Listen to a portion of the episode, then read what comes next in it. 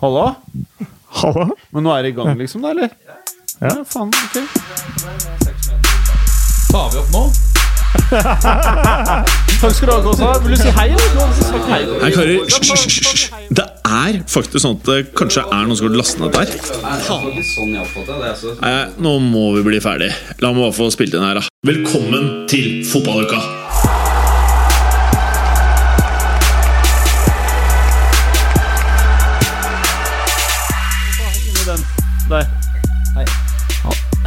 Nydelig. Ha da. Ja, da sitter vi i stua på kontoret her. Jævlig digg. Mye diggere enn i sist uke. Ja, faen, da holdt du på å nødt, du. Jeg har jo ligget hos sånn naprapat en uke i Å, fy faen, jeg har fortsatt fått den metallklumpen inn i magen. Er det sånne nåler? Nei, det er Nei, nå sitter det. jeg ganske digg. Ja, Laidback nå sitter jeg faktisk stol, ganske digg Mac-en på fanget. Ja, det Må holde mikken, men jeg har to hender, og da er jeg plass til øl Ja, igjen. du skal få sånn ølbrikett. Ja. ølbrikett. Å, Oh. Det er brikettene. Ok, velkommen skal du være, Mats Berger. Takk. Det er veldig uvant ikke å ha Headset, headset. ja. ja. Det er egentlig litt ubehagelig. Ja, det er det. Det. Det var litt dritt. Du ser jo vel ut i dag, da. Takk. Fortsatt ikke klippet noe som helst. Det var det du siktet til. Mener du- begynner å bli ganske langt. Oppe og nede, eller? Ja, det er jo mest uh, nede, da. Altså Jeg skjegg, mener skjegget. nede. Ja, men der, der, Skjønte vok jeg. ja, men der vokser jeg ut av klippet i det? Du bare kjører på. Ja, så det er på en måte en litt annen syklus. Ansamling av lukter og diverse. Eh, Velkommen skal du være, Peter Clay. Takk for det. Halle Kleyeren. Hei sann. Eh, det er ikke så jævlig lenge- lenge siden vi satt her sist, da. jeg skulle akkurat si det. Det er ikke så lenge siden sist. Det blir jo Eh, liksom eh, Ikke så jævlig mye fotballøyeblikker å spørre om, men eh, jeg kan jo spørre igjen, da. Hva er si- største fotballøyeblikk siden sist? I den, den helga her har det vært veldig mange Veldig mange eh, store øyeblikk, faktisk. Men personlig for meg så var det Ron Alp-derby i går kveld. Fra, fra den største kampen, egentlig, i mine øyne, i fransk fotball. Mellom St. Etienne og Lyon. Ja, ja, ja, selvfølgelig. Det er sånn jeg til og med har fått med meg. Ja. Den, eh, Men hvis- så, så den, den fulgte jeg ganske tett i går kveld. da. Det er en ved siden av deg som jeg også liksom vil tippe også har fulgt med på noe slikt, da. Det er jo Oi, nå kommer det noen sånne fæle andre podkastlyder. Nei, jeg kan holde mikken sjøl. Det funka ikke så bra. Du må jo jekke først, da, for å få liksom effekten. Eh, hva er det du prater om? Skal ikke du lage sånn pyro fæ- eh, pivo-lyder? Nå ødela du opplegget mitt. Skal vi se Åh, her, nå- her kommer Kåsa. Å, tekniker Felix! Du som ditcha oss for TV2! Woo! Der, ja. ja. Halla. En, hallo. Halla. Eh, hadde jeg ikke visst bedre, så jeg trodde du gjorde comebacks her. Du har jo ikke sagt hvem jeg er. Ja, nei, du er han som var med en gang i tiden. Som eh, Ja, han ene uten barn. Det er jo bare ja én vi her med barn, da. Hæ? Eller du vet ikke om du har barn. Nei, ja, nei, det er sant. Du er det ikke kan jo ikke Gallosen heller vite. Nei, Galsen, Han du er også sånn som faktisk ikke kan vite 100 føler jeg. Ja, men Eller- kan, kanskje jeg aldri har eh, Har du for eksempel barn på sånne madrasser i Tyrkia? Vet du hva, Hvis jeg hadde fått barn i Tyrkia, så hadde det antagelig vært barn som ikke hadde vært i stand til å komme seg av madrassen. Hva betyr det? Nei, dårlige gener, da. vet du. Jeg tenkte Å ja, madrasser dine som gener. sånne skoler. Ja, mine dems. Ja, må ikke være forsiktig, så Ja. ikke krenker. Det er krenkeæra, vet du. Ja, men dette er fotballuka. Ja, jo, men vi, Det er fotballuka, ikke sant? Ja, det er fotball. Jeg ble bare dratt inn der. Men du heter da Hva du heter du? Morten? Eh, ja, det er det folk som kjenner meg godt, Ja, kaller meg. altså. Galåsen. Galåsen er det du heter, ja. Korrekt. Eh, hva er ditt største fotballøyeblikk siden sist, da? Eller siden Eh, sist? Siden forrige uke? Siden ja, siste uka. Jeg er jo som oftest enig med Paul Thomas Clay. Ja, det er få som ikke er det. det er jeg nå også. Det har vært veldig mye. Uh, utrolig digg, syns jeg, at både Serie A og Bundesliga er tilbake. Ja. Uh, og det var vel først og fremst Serie A faktisk som, uh, som gjorde mest med meg eh, denne helga. Det jeg husker best, er nok Fiorentina Sampdoria. Som ble en ellevill fotballkamp med Tor Høkort og utligning på overtid. Og en uh, nydebutant som skåra to mål mot gamleklubben. Det ene sjukere enn det andre. Uff. Du, jeg har fortalt at uh, jeg blir nesten litt sånn forfulgt etter jeg var i Fiorentina. Av sånne parkeringsvakter. Etter du var i Firenze, tenker du på? Ja, i Firenze. Det er de som har Fiorentina. Ja. Jeg, jeg, jeg, det, det er jævlig irriterende. Det Var det, du som fikk, var det du som fikk ticket etter at du kom hjem? Ja, jeg har fått masse bøter, og uansett som jeg viser liksom flybilletten at jeg ikke var i Italia på, en- det, To av bøtene er greit. Men den siste, det var jo faen ikke meg, det. Det er ikke deg? Nei. Hvordan var det du fikk disse bøkene, bøtene? For jeg kom etter, meg nemlig unna veldig mange bøter jeg skulle ha hatt. Ja, nei, jeg, ja, nei jeg, jeg kjørte i noe sånn gamlebyområde. Og det var de ikke så glad i. Nei, nettopp. Det hørtes ganske verneverdig ut. Ja, Så det var ikke fordi du ødela bilen? var Nei, nei, nei, nei, jeg kjørte områder de mente man må betale bøter for å kjøre. Eller en avgift eller et eller annet. Det er helt grusomt. Men, Ja. eh, Så jeg har egentlig et ambivalent forhold til byen av den grunn, men også fordi stadionet deres er kanskje den kjipeste jeg har sett av noen sånn legit lag, eh, holdt jeg på å si. Jeg veit ikke om den er noe verre enn Altså om den er noe fæl i italiensk målestokk. Det er mye nedslitt eh, greier der. altså. Ja, veldig mye dårlig. ikke sant? Du har jo det eh, problemet i Italia at eh, de aller fleste stadionene er i dag kommunale myndigheter. Og Ja. de um, bruker ikke en dritt penger på, på vedlikehold. Så det aller meste er jo Eller i gåstegn. De bruker på papiret penger. Ja, ja. Men uh, De- pengene går ikke til uh, uh, Pengene går ut av kassa, men det er ingen som utfører arbeidet de skal. Det er kanskje problemet en del steder. Men nei, jeg, jeg har jo har jo vært på, på, på gamle Del Alpi, og den var jo bygget så sent som til 1990-VM. Likevel så var den jo helt forferdelig dårlig før den ble fiksa opp. Så det kan godt hende Gallosen har rett, at den er ganske bra, til og med i italiensk sammenheng. Du er den mest bereist av. Eller Peter Klee, er du øh, Vil du si at du er like bereist som Gallosen? Nei. Eh, ikke, ikke, I hvert fall ikke i fotballsammenheng. Eh, Han, eh, han, han har jo en viss dragning mot øst, men, men han reiser mye mer. Han reiser mye Ja. mer. Han har, jo, han har jo en langtur hvert år òg, men det som ikke er fotballrelatert. da. Eh, ordspill. Han har langtur, og så er han jo lang. Veldig godt ordspill. Bra, er Klee. det magisk eh, tegnspråk fra deg, Ja. Som dessverre Ja, du lytterne ikke får med pekte voldsomt med de lange armene dine på Berger. Hva Ja, skjedde? eh, det kan fort være at Berger er den mest bereiste av oss. Ja, du var jo på ikke-fotballsammenheng så er det mulig. Men jeg bare så vi hadde vært begge to i veldig mange av uh, sommerens uh, VM-land. Var det ikke en sånn konkurranse der hvor vi kom veldig høyt begge to? Uh, nei, jeg var jo skuffa over min egen. Jeg hadde vært i en snau tredjedel av uh, VM-deltakerlandene. Uh, og så var det veldig mange som slo meg på det. Blant annet deg, vil jeg tro. Oh. Ok, Var det en annen lytter, da? For vi hadde en sånn greie på Twitter, hadde vi ikke det? Mm. Ja. Som hadde på en måte vært i Hvor mange er det som er med? 32 hadde vært i liksom 25 eller et eller annet. Ja, jeg husker sånt. ikke hvor mange jeg hadde vært i. Nei, det var, Rundt eh, 24. jeg hadde vært i 11 eller noe sånt. Du var jo på nesten et helt år hvor du reiste rundt for å spre ja, gener. ja, jeg har reist uh, mye, altså. Det har jeg. Mhm. Men jeg husker ikke, vet ikke hvor mange land. Men du- for. Men uh, var du og så på fotball i de, på de stedene? Nei, jeg skulle faktisk på Flaminco Fluminense, Ja. som ble spilt da jeg var i, eh, i Rio, men vi fikk ikke tak i billetter. Så det var litt rart å spille uten headset, merker jeg nå. Ja. Man føles ut som man egentlig ikke tar opp. Nei, det, det må være litt sånn eh, Det er litt rart. Og vi, vi har ingen idé om hvor langt unna mikken min skal være. Nei, men det vi har en idé om, er at introen nå er ferdig. Etter se. Jeg, jeg tror det kan være lurt å bare skyte inn uh, at uh, Clay og jeg deler mikrofon. Ja. For det, det kan bli tydelig for lytteren etter hvert. Ja, og litt av grunnen til at uh, vi ikke har eget studio i dag, og at vi bruker stua, er jo fordi vi har pusha, pusha fire forskjellige datoer og tidspunkter og litt sånn forskjellig, og forskjøvet litt frem og tilbake. Så nå har vi tatt det som er ledig her. Uh, og med det så er vi ferdig med introen, Gallosen.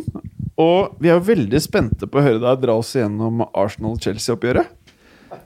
Ja, jeg kan dra dere gjennom den på samme måten som jeg ble dratt inn i studio her uten forvarsel. Um, det jeg kan si om den kampen, er egentlig at en um, Chelsea-støttende elev på ungdomsskolen uh, spurte meg om hva jeg trodde om den kampen i forrige uke. Og han var jo i harnisk da jeg sa at nei, den vinner Arsenal. Uh, jeg hadde ikke noe annet enn magefølelsen på det.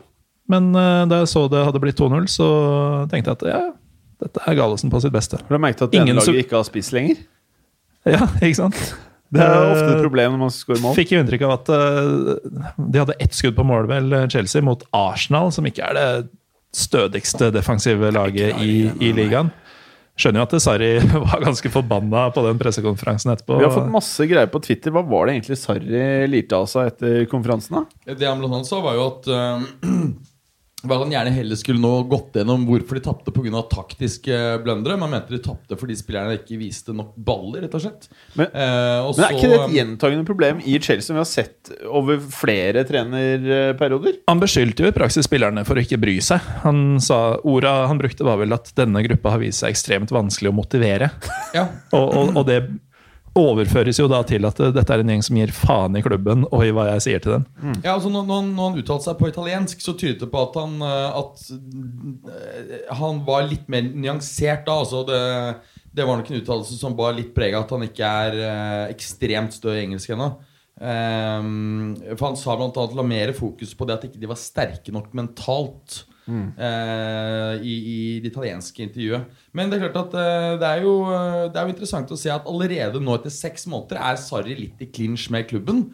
Og når dette er så gjentagende som du sier, Jim, gang etter gang etter gang, etter gang så må jo klubben etter hvert begynne å stille seg spørsmål, altså stille seg spørsmål om det er eh, om klubbstrukturene rett og slett eh, tillater at en manager greier å få maks ut av seg selv og spillerne. Fordi Sist så var det jo sånn at man mente at det var eh, de som hadde vært der lenge, Terry Lampard, at det var de som liksom pisket opp stemningen i garderoben. Men nå er jo de boysa borte, og det er jo tydeligvis en eller annen kultur da som eh, ligger der og Er det mange kanskje også ledere av blant spillerne, som du sier? Men det er klart, eh, hvis du ser på Dere en skal nyse nå, eller?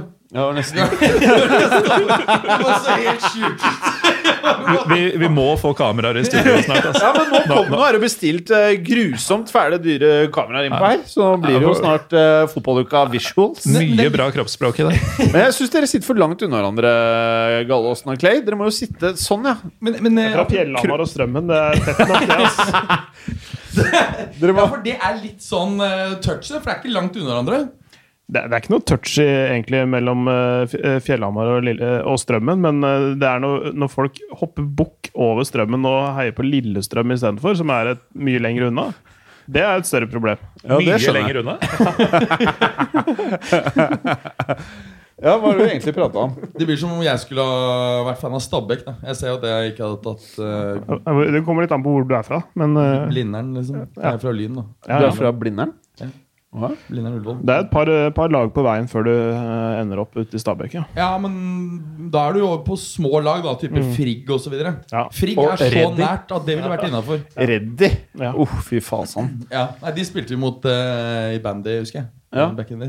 Men uh, la oss snakke ferdig om matchen. skal vi gjøre det? Ja, altså Jeg synes det er interessant er hvordan, hvordan Chelsea på en måte spillemessig kollapser når, når når Gini ikke får uh, sette tempoet. Og, og Ramsey var jo utrolig god til å, til å markere han ut av kampen. Uh, ja. det har, vi sett, det har vi sett andre ganger også, at når, eh, når man markerer ut uh, Jorginho, så klikker ikke Chelsea i det hele tatt. Ne. Det samme skjedde i Napoli. Det er, eh, det er egentlig litt grann av problemet med, med Sarri. Det er at det er ett gir og én plan. Uh, og når det ikke funker, så er det, så er det tungt. Det blir tungt.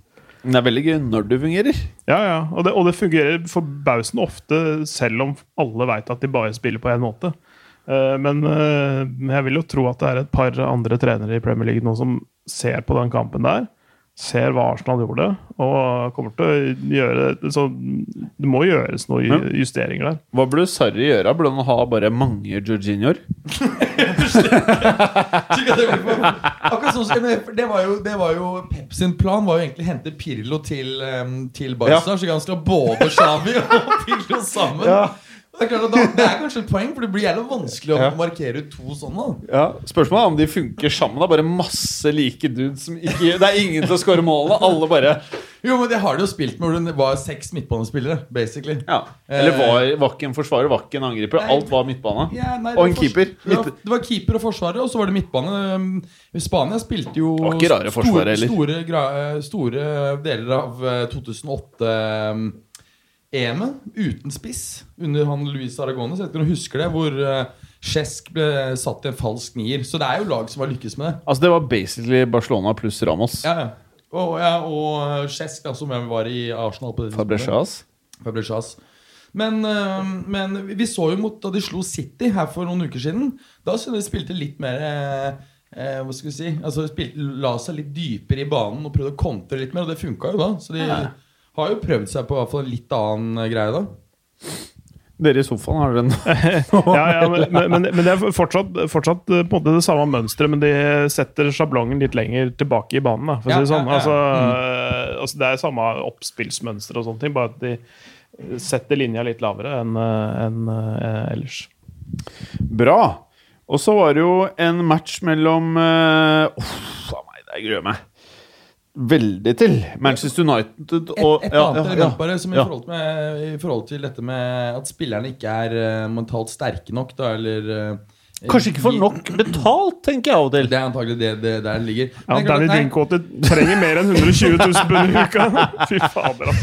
jo, Danny men- Drinkwater, ass. Men eh, altså, vi må huske på at uh, Sari er jo ikke spesielt flink til å rotere spillerne sine. Det er veldig mye det samme som går inn hele tiden. Det gjør at spillerne føler seg veldig trygge på plassen sin. Og det kan jo også føre til at de, eh, at de ikke yter like mye eh, hver gang som spillere som føler at det brenner i, i ræva. Mm, mm. Så det kan jo være et poeng eh, å ta med seg at han burde begynne å rotere litt mer. Enig, de trenger litt uh, Sharabai-kjøring der bak. Eh, det andre oppgjøret her som du har skrevet opp, eh, Bergeren, i programmet, det er jo Dette her er jo ikke noe hyggelig. Manchester United vant igjen over Brighton. Eh, og her hadde jo jeg egentlig meldt om at de kommer til å slite noe grusomt. Jeg, jeg, jeg, jeg vet ikke om jeg sa konkret resultatet, men det resultatet jeg tenkte i hodet på, på, på fredagen, var 3-1. Jeg husker ikke om jeg sa 3-1, men jeg sa at de kom til å vinne. Ja. Eh, Jeg sa at de spilte uavgjort. Eller tapte, hva sa jeg? Jeg tror jeg du, tror, u, jeg tror du sa Ja, ja. 1-1, jeg. Jeg tror Ja. begge dere to Ja, sa 1-1, vi var på egentlig. Ja. Men jeg, jeg, men- jeg sa 3-1, men det, sannheten var et sted midt imellom. Ja. 2-1. Ja. Det, det burde jo vært 1-1. Ja. Så, som vanlig så hadde ingen av fotballukas mange tips. Helgardere, selv ikke en helgardering funka! Så er det så er det så lite hull i gulvet, så den greier å treffe 2-1 istedenfor på 3-1. Det er så fotballuka. Det er fotballuka. Egentlig så burde, burde de bare gå all in og satse på det ene resultatet vi ikke har sagt. Det kan være vinner. Men det er jo jævlig slitsomt at de fortsetter å vinne i der eh, United, da. det er det, og Rashford ser jo bare helt meg. ut. Altså. Fy faen, så god han er på disse, fra disse spisse vinklene. Men- og det syke er at han er ikke god fra bare den ene siden, han er god fra begge sider. Ja, det her er ikke noe hyggelig i det hele tatt. Men uh, nå eh, kommer jeg på en ting, og det er jo Husker dere det intervjuet med Ronaldo hvor de spurte han uh, hvem han trodde ville være neste generasjon med små-Ronaldoer? Og da var Rashford en av gutta han nevnte. Jeg husker. Mm. Og da var vi liksom Ok, mener du det, altså?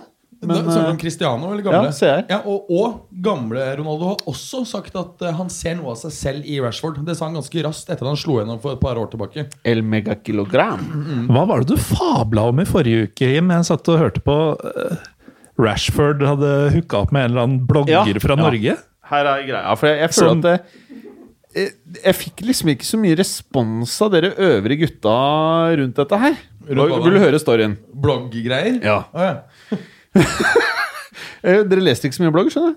Jo, men ikke, ikke samme blogger som deg. Apropos, jeg, jeg, jeg tweeta litt sarkastisk om dette Vixen Blog Awards eh, den kvelden det foregikk, og så fikk jeg høre på fotballuka at du hadde vært der. Ja, jeg var der. Vi hadde jo noen nominerte folk Men, men hva slags type blogger er det som er nominert? Er det sånne ting, altså politiske blogger og historier og sånn også, eller er det bare sånn fjas? Historiske blogger. Ja, altså, Historie. historie, Eksisterer det i Norge? Fins- det er blogger? Fins det blogger som ikke handler om mote og sminke? Ja, jeg leser masse makro... Men de er engelske, ikke? Jo, jo. Ja. Men jeg kan fortelle hva jeg fabla om, da. Det var jo at eh, Norwegian hadde jo gitt alle disse her, eh, hotte bloggerne tur til Dubai. Ikke sant? Og Dubai det er liksom ikke politisk korrekt og alt det greiene her å fremme det. Ikke sant? Alle henger med så langt. Så ja, vi snakket om det sist. Ja, Men eh, nå skal jeg forklare enda litt dypere da om eh, dette blogginnlegget mitt. Og det var eh, Hadde du blogginnlegg? Nei, men blogginnlegget mitt i for, Ikke sant? Om blogg. Ja, Så jeg har ikke skrevet en blogg. Men eh, i alle fall, da var det en uh, An Anjor, som har en veldig stor blogg. Hun var i Dubai. Hun var en av disse her som ikke, tror jeg, er ikke helt sikker, som ikke angret seg for at hun dro dit. Anjor? Anjor. Jeg også lurte litt på dette. Anniken Jørgensen. Ok, hvorfor ja. Hun er ikke Jeg tror du hadde likt den, Galsen. Hun er ikke feit. Skriver hun mye akkurat. interessant? Er det det du sier? Ja, det vil jeg si. Men uansett, Rashford og resten av Manchester United var også i Dubai. Aha. Skjønner du? Så Anjor var i Dubai. Rashford var i Dubai. Legg sammen to og to. Oh yeah! Rashford var happy. Veldig godt humør. Egentlig hele Manchester United var i godt humør. Eh, Anjor var der. Mm. Så denne Anjor Anjor? er uh, Nei, Hun bare er. Solskjær-effekten.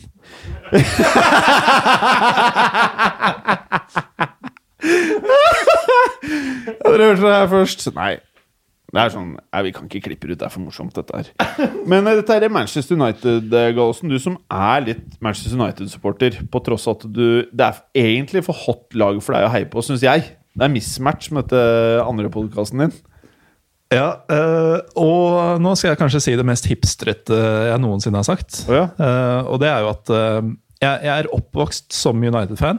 Det var Ja. det første favorittlaget jeg hadde før Lillestrøm og før Fenerbahçe og eh, Union Berlin og hele gjengen. Og Solskjær var jo favorittspilleren min da jeg vokste opp.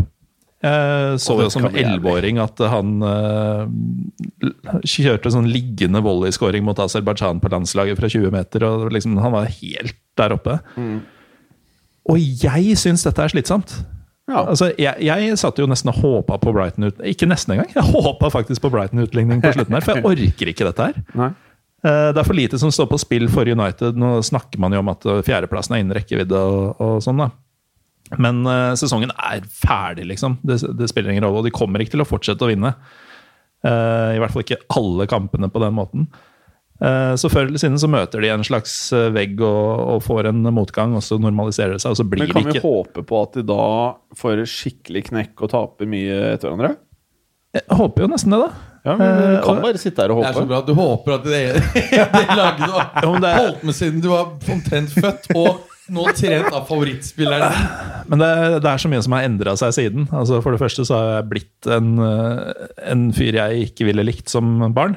Han som liker bare hipsterlag, er det det du sier? Og så har jo Solskjær også forandra seg ganske kraftig siden jeg var tolv.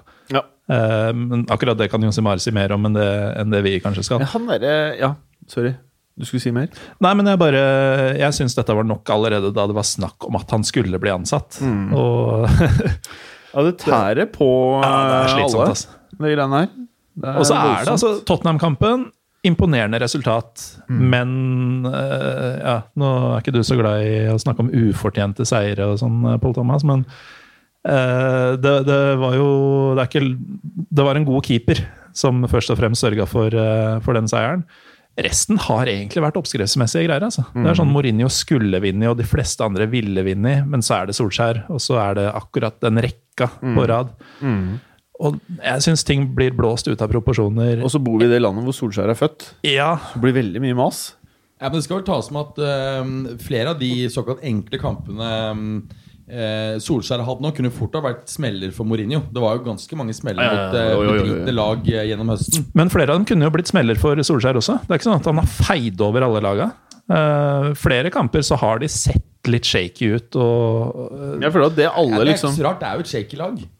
Altså Hvis du ser hva som er bak der eh, Phil Jones er jo ikke akkurat noen toppstopper.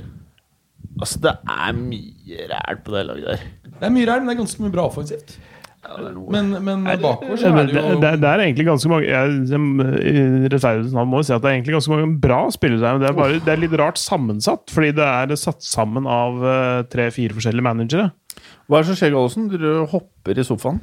Eh, jo, jeg skulle jo egentlig ikke vært her nå, eh, så derfor er jeg prisgitt telefonen. Eh, det er i dag den første seriekampen til Erson Janal, som har tatt over Fenerbahçe etter en eh, Erso forferdelig Janal. Dianal? Gjerso Di Eino.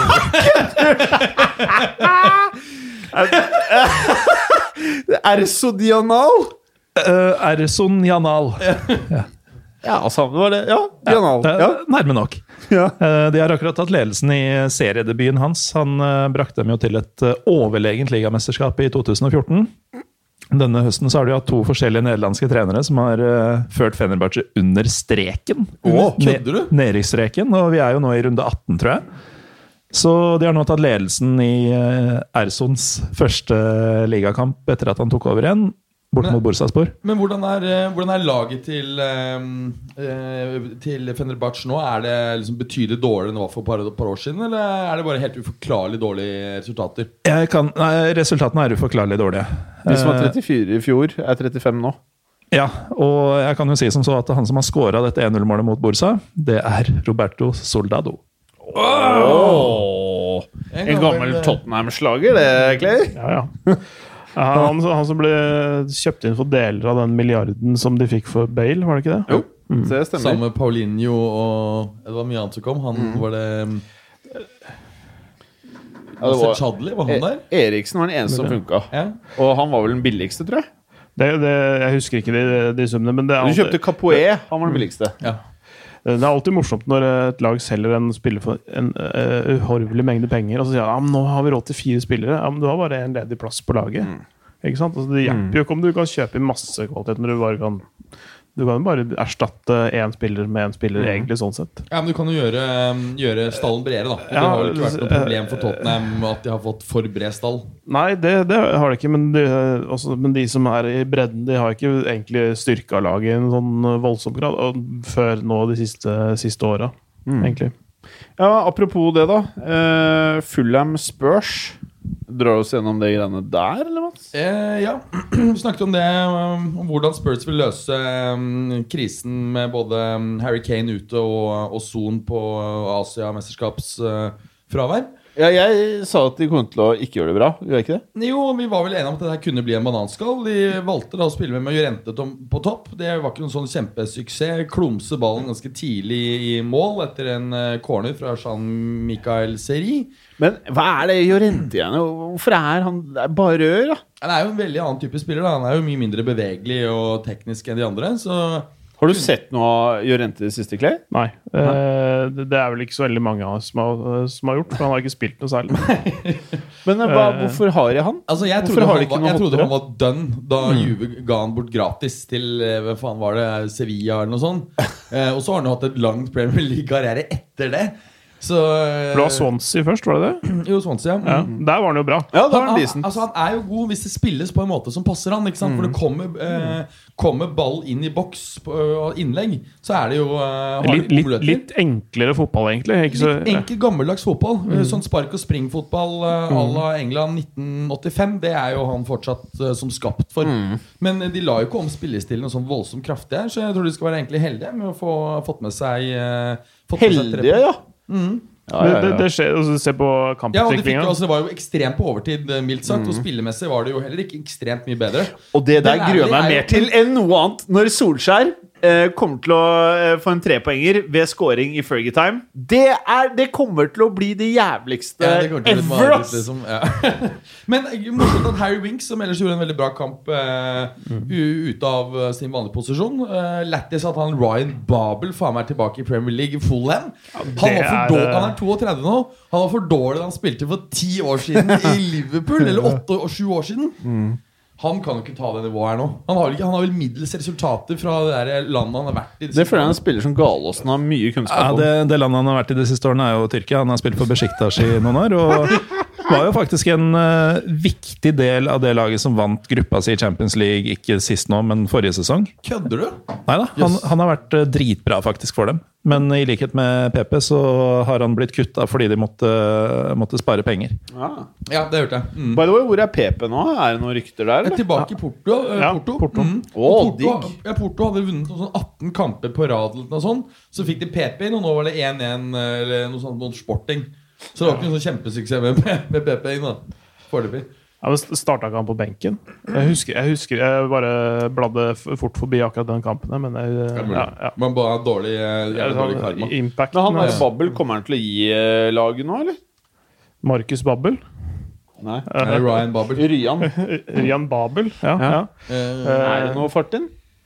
tror du det, Gallosen? Du har jo sett mer av han enn oss. Jeg ser ikke helt for meg at han skal levere jevnt og trutt i Premier League. Altså. Han er en uh, sliten type som er glad i å spise og drikke litt uh, ekstra. Jeg, jeg tror han hadde det veldig bra i Tyrkia, hvor det ikke krevdes altfor mye. Altså Hvis du har et råtalent da, som Jeg ser på Ryan Babel som litt sånn Jon Carew-aktig, egentlig. At han har fått mye fra naturen, og så har han gjort sitt for å skusle det bort. Um, I Tyrkia så funka det til dels, og i England så eh, Det Premier League eh, Den engelske ligaen som han forlot da han ikke var god nok, den er vesentlig bedre i dag, tror jeg. Og, og proffere.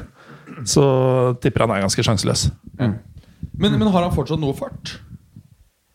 Nei, jeg, det, det, jeg kommenterte et par av de Besjiktas-kampene i altså, forrige sesong eh, i Champions League. Det Nja. Altså, det, altså han, er, han er ikke noe sinke, men han er ikke sånn at han eh, med ballen i beina kan løpe fra enhver bekk, som han kunne før. Nei, men tenk på, altså, sånn, altså, ehm, Ranieri er jo litt sånn gammeldags trener på en måte. Liker gjerne en ving som kommer rundt på kant og slår innlegg. Så vi så Ja. Det også var en modell de kjørte ganske mye på i, ehm, Ja, det kan funke til, og du har jo Mitrovic i boksen, så det, er, det, kan, det kan funke. det kan, det, altså, det kan, den komboen kan gi de fire-fem mål eh, resten av sesongen, f.eks. Kanskje det er nok. Jeg veit ikke. Hvis de er fem mål som jeg er akkurat to ganger på Westgården, så de får 15 Ja. ekstra, så Ja, ja, vil du ha masse å si. Ja.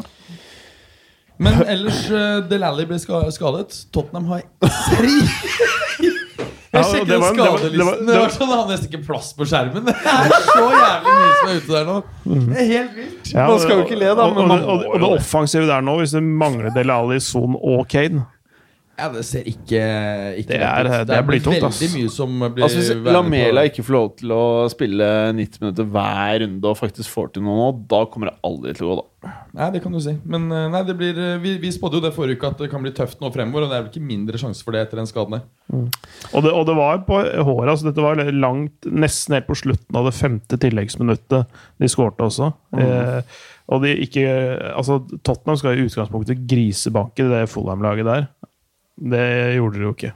Nei, og det er vel, eh, Når det gjelder det, så ser det vel ut som det er hamstring, og det er vel noen typisk fire uker. Så det, det er jo, blir jo en stund. Men uh, vi calla at de skulle få fem poeng av eh, 15.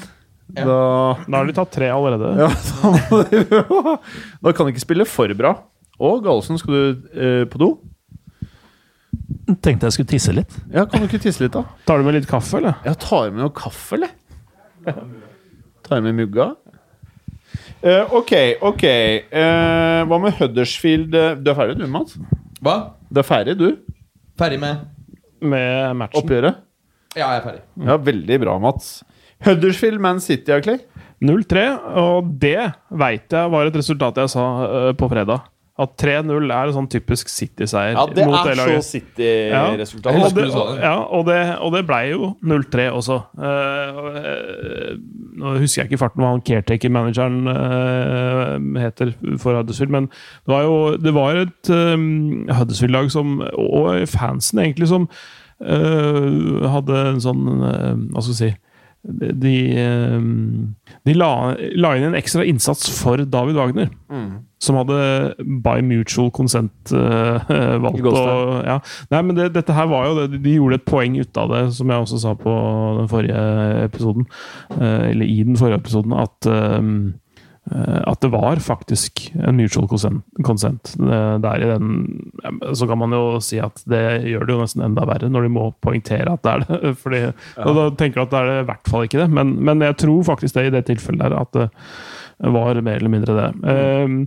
så de, de, de holder jo for så vidt eh, stand en stund, og, og eh, det er bare 0-1 til pause. Ikke en spesielt bra førsteomgang. Og hvem var det som skåret første målet igjen? Ehm, Det var eh, det var Stirling på 2-0 og Sané på 3-0. Skal vi se, det var eh, Danilo. Danilo var det, stemmer. Assist Walker, men jeg husker. Mm. Mm, Og så um, Altså back på back, det er mm. fint. ja, Da kjører du offensivt. um, og Stirling skårer med huet. Hans andre på rad, vel, med huet. Han skårte Av de 57 første målene hans i Premier League, så skåret han ett på huet. Når han skåret to på rad. Men Han er- derre Sané syns jeg i økende grad begynner å få opp dampen. Ja, ja, og han, han hadde jo hadde vel en assist på den eh, Sané-skåringa òg, hadde han ikke det? Eller var det Jo, det um, eh, Nei, altså eh, Stø Stirling eh, på Stirling sin skåring? Helt riktig. Sané hadde både en scoring i tillegg til Assist. assist på Stirlings. Ja. Um, så han, han produserer jo mål og assist på, på løpende bånd nå. Og det er en spiller som da ikke var god nok for den tyske landslagstroppen eh, i, i VM. Men det, det Det- fikk jo eh, lø ekstremt mye kritikk for, da. Ja. Og men når, når det er sagt, så var det jo også gode spillere som ble utelatt fra den franske troppen eh, også. Og det, og det har litt med personligheter og sammensetning, så det kan ha ligget noe der, uten at jeg veit noe om personligheten til Leroy Sané i det hele tatt. Så det kan ha ligget noe der, og det er, det er veldig lett å være etterpåklok i sånne sammenhenger. Eh, men eh, men han, er, han er hot for øyeblikket, ass. Virkelig. Eh, og det er, er er det noe med psyken hans når de kitta han ut av tyske landslag og han ikke starter i hver eneste kamp for eh, City i år? Er det, har han noen mentale greier hvor han kan få litt knekk, tror vi? Nei, jeg syns han har svart ganske greit det, med det han har levert denne sesongen. her. Altså Når han først får muligheten, så, han, så, så har han jo en impact uh, nesten hver gang. Eh, og han er altså så jævlig å få has på. Altså, det, det, de, altså det er sånn, jeg, jeg tror ikke det er én høyrebekk som sier at åh, i dag blir det en eh, grei dag på for nå skal Leroy Sané spille på kanten min. Overhodet ikke. Han, han, er, han er ekkel å ha med å gjøre, ass. Er det Kommer kom, Kommer vi på noen eh, lag i eh, Europa nå som ser hottere ut fremover på banen enn Manchester City når alt klikker, formmessig? Ja, Barcelona. Fortsatt, altså. Jeg syns det. Det er fortsatt, eh, Når alt klikker der, så er det fortsatt enda sykere. Marginalt enda sykere. Men, det er, men det Barcelona er det eneste som både kan sies å være Jeg synes de er liksom en eh, hakke over alle andre, til og med kanskje Liverpool. Ja. Men Liverpool er det eneste andre laget som, som jeg syns kanskje er nesten on par med de to andre. Ja. Altså, det, det går litt sånn fra kamp til kamp og, og sånne ting. Eh, Jeg synes Liverpool kanskje var enda sjukere offensivt delvis forrige sesong enn det de er nå. Nå er det litt mer sånn at eh, for det første, Nå er folk klar over hva, hva Liverpool kommer med. Eh, er, i, eh, I enda større grad så gjør de mottrekk mot det. Eh, men fortsatt så skårer de jo greit med mål. Det, det står ikke på det, og det er jo en bedre tabellposisjon nå, men det er jo først og fremst fordi de har fått en god keeper og en god stopper, eller en, en god stopper som har fått satt seg litt i det laget, da. Så, det er jo hovedgrunnen til at de sanker med poeng, egentlig. Det er ikke fullt så sjuke på høyden nå som det var for et år siden. Men jeg syns Liverpool, litt sånn som med Tottenham, de er kun en skade unna på Firmino eller Salah før jeg liksom lukter litt problemer eh, offensivt. Hvorav Barcelona og City kan tåle én, to, kanskje tre skader. Ja, offensivt. ja det, det, det, det, litt av det forspranget som Liverpool skapte, det, det kom jo når Brønn har vært ute, da. Ja, de, men uh, han er vel ikke liksom jeg, jeg, jeg vil si at de klarte å eh, demme opp greit uten eh, De Bruyne også. Ja, det, det tok litt tid før de liksom fikk i gang Bernardo Silva og sånn. Altså, det, det, det er sånn altså, det, jeg, jeg, jeg, altså Liverpool nå er i hvert fall Altså City hadde jo i- i- mange motsetning til flotte i- i perioder uten De Bruyne. Ja, ja. Ja, og City smeller kom jo vel da De Bruyne begynte å nærme seg tilbake i, uh, på ganske kort tidsrom før jul. Jeg syns de var veldig gode Jeg uten han Uh, Ja, jo, det, det, Jeg kom, merket ikke det de kom i store forskjellen på Aguero med eller uten, liksom. eh, ja, ja, jo, jo, altså, men de, de, den luka som Liverpool har skapt, den kom jo i den perioden han var ute. Men De Bruyne har vært ute det? nesten hele året. Tror jeg, den kom, kom ikke den Den kom jo samtidig eh, med at han begynte å spille litt igjen. Da gikk det på to-tre smeller eh, på kort tid. Men samme det, da. men var Men- det er i hvert fall- var det hvert uten fall- at eh, De Bruyne var tilbake i full, uh, i Ja, full ja, fyr. det- ja. Det er klart. Det var, Men sånn som i Barcelona, så er mange av sånne latterlig dyre spillere som ikke engang spiller. ja. De sitter bare og kuker på benken, sånne 150 mill. euros, liksom. Ja, altså Det er vel overdrivelse hvis han ikke spiller. Altså Når det gjelder Dembele, så har han kommet seg veldig bra siste tiden. Og mange mener han hadde sin beste kamp for Barcelona. Coutinho. Men ja, Coutinho spiller jo Han har spilt 18 eller 19 kamper for Barcelona hittil denne sesongen, så han har jo mye spilletid. Det er ikke Men- men- mye spilletid for en uh... Men det er klart at han har vært en del innbytter, har han. Og blitt en del bytta ut. Og han har, hvis du ser på um, antall mål og assist uh, totalt sett uh, denne sesongen fra Coutinho, så er det ikke imponerende mye. Betydelig, mye, altså betydelig lavere snitt enn eh, enn han hadde i eh, Liverpool. Men i denne diskusjonen her, det er jo et lag i eh, Frankrike som skårte ni mål her om dagen.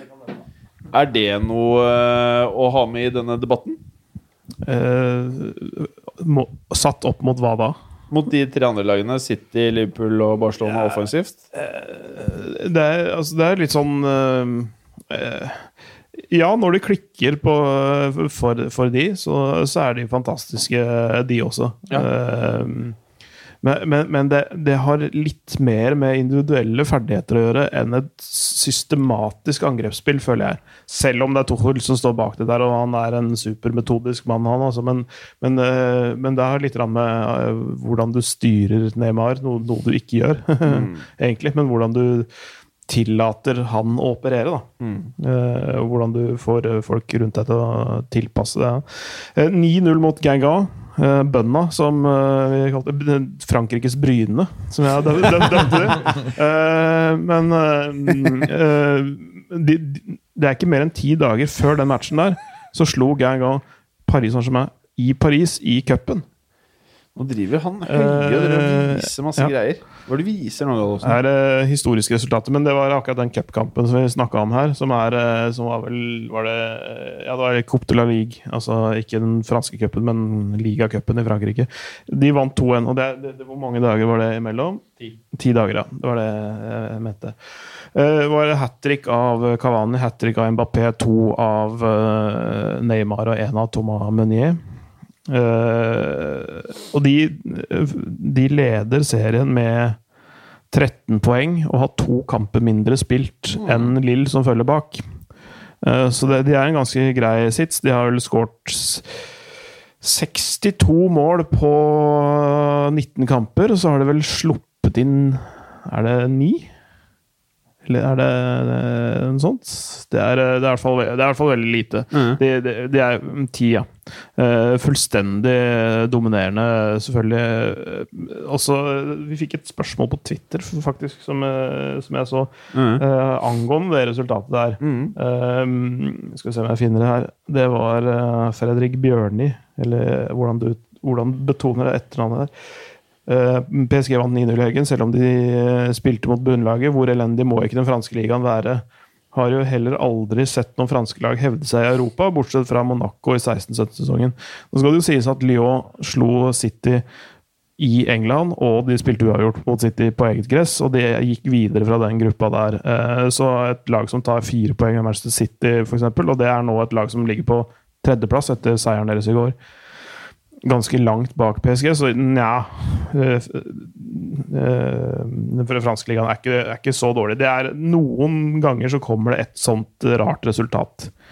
eh, som det som er sånn der skikkelig kalassifre. Og det er jo mm, Med den økonomiske fordelen da, kan du si, som PSG har, så, så, så er forskjellen enorm. Men det er jo fortsatt sånn at det, klubber i England, for eksempel, de, de handler jo og bruker spillere fra Frankrike nesten mer enn sine egne akademispillere. Sant? Så det er, det, det, den trafikken over kanalen det er sånn, med spillere altså At de fòrer Premier League med gryteklare spillere. Altså Når de har de spilt fast i Frankrike, så går de eh, rett inn i Premier League sånn. Mm. Så, så, så jeg vil ikke, jeg vil ikke si at den er dårlig, men den er ujevn. Ja. Okay. Og, og det vil dukke opp sånne resultater fra tid til annen. Og som sagt, det samme laget slo nesten det samme laget eh, 2-1 ti dager før. Så det er sånn, ja. Bra. Gjesten, det er deg, Gallosen. Yeah! Du skal dras gjennom Liverpool Palace. Skal jeg det? Ja, det høres ut som min type kamp, det. Nei, vi skal være snille. Vi Men, diskuterer men sammen. apropos, uh, for et målkalas det har vært over hele Europa i helga. Altså. Mm. Dette var uh, da tidligkampen Wolves-Lester hadde en 4-3. Og så kommer denne og ender også 4-3. Det er sjuke greier. Ja, og Italia hadde du som nevnte denne 3-3-kampen, pluss at Atalanta vant 5-0. Så du hadde Ja, og så spilte Ajax 4-4 mot uh. Å, fy faen. Ja. Det har vært, Det mye, vært mye greier i helga. Så du den, eller, Clay? Ajax? Eh, nei, jeg fikk ikke sett det når jeg holdt på å forberede meg til uh, Sankt Etienne Lyon. Så, eh, så Lagde ikke du en uh, exquisite pizza her i helgen også? Jo, det var en vegetarpizza. Ja, med, var, det, Ja, jo. var det noe grønt i skorpen? Ja, det var det. Det var pesto i skorpen. Du la jo vanlig pizzadeig, og så legger du en sånn liten rand med pesto rundt, så bretter du deigen over, så du får en sånn crust nydelig. med pesto inni, og så er sausen som du har på, er Du freser litt hvitløk, eh, laurbærblad, salvieblader, og så tar opp litt tomatpuré og en, bok, en boks tomater. Ja. Og noen skjeer med peanøttsmør. Ja, og så, så, så det blir en sånn eh, Så det blir en, en, en eh, ganske så god miks, det. Og så har du båter av rødløk og gul squash på toppen. Og så litt ost på toppen her, sånn, og så blir det en eh, veldig Deilig, god pizza. Ja, ja. Høres ut som en ekte fotballpizza. ok, Liverpool eh, Palace. Du starta så vidt det var, uh, Gallosen. Ja, eh, jeg vil jo trekke fram faktisk noe sexy Crystal Palace har gjort. Oh! som jeg så vel tidligere den dagen. Eh, de eh, legger visst til rette for at hjemløse, eh, nå som det er ekstra kaldt i London, kan sove på Sellers Park Oh. med undervarme og litt oh, mat. Og, Inne på selve stadion? Altså på dekket? Sånn, sånn jeg forsto det, så var det i hvert fall eh, en del av Sellers Park. Om det er noe innendørs hall de har, eller noe sånt på stadionområdet. Jeg vet ikke. Men eh, de gir i hvert fall dette tilbudet til eh, områdets eh, hjemløse. Da. Og det er uh... Jeg tar det sånn, Hvis vi skulle nå ha noen lyttere som skal ha behov for dette, behov for dette tilbudet Ja, jeg, jeg tror ganske mange nordmenn Eller, eller eh, at vi har en del lyttere i London-baserte som, eh, som er hjemløse. Ja, som trenger et litt tak på hodet. Ja, de, de sitter der med headset og iPhone og sånn og hører på dette her, men de har ikke råd til å Et bo hos seg. Et lag i Tyskland som har eh, eid av et selskap som er utømmelig med ressurser, kan det virke som, som er et av favorittlagene dine, Red Bull. Kanskje de kunne gjort noe lignende? Jeg ser eh, vanskelig for meg dem gjøre noe lignende. Jeg ser for meg Red Bull kanskje arrangere noe sånn eh, hasardiøse slagsmål eller noe sånn mellom hjemløse. Hvor eh, den som overlever, får masse, masse rusbrus, holdt jeg på å si. Høres ut som bumfights på Battle Royale. Ja, noe sånt. Men eh, jeg kan jo prøve å snakke litt om denne kampen. Ja, vi kan prate litt om den kampen. Nei, den, eh, den ser jo høydramatisk ut på papiret. Mm, Ender 4-3 eh, i en kamp hvor Palace eh, yppa seg resultatmessig. Leda jo eh, til, eh, til pause, var det vel. Eh, og så skjer jo det som må skje, at eh, Mohammed Salah skrur seg på og skårer et par mål osv. Men jeg eh, så jo at da de eh, i løpet av de åtte første minuttene av andre omgang hadde snudd kampen, at eh, ok, nå er det kjørt, nå blir det 6-1. Så utligner jo faktisk Palace og holder dette gående fram til det er et kvarter igjen. Eh, Men så har du denne egypteren som er ustoppelig, og så kommer jo 4-3-målet som en redusering langt på overtid, eh, da kampen allerede var avgjort. Så det ser tettere ut enn det var, og statistikkmessig også så er det jo 70% ballbesittelse, 18-10 sjanser.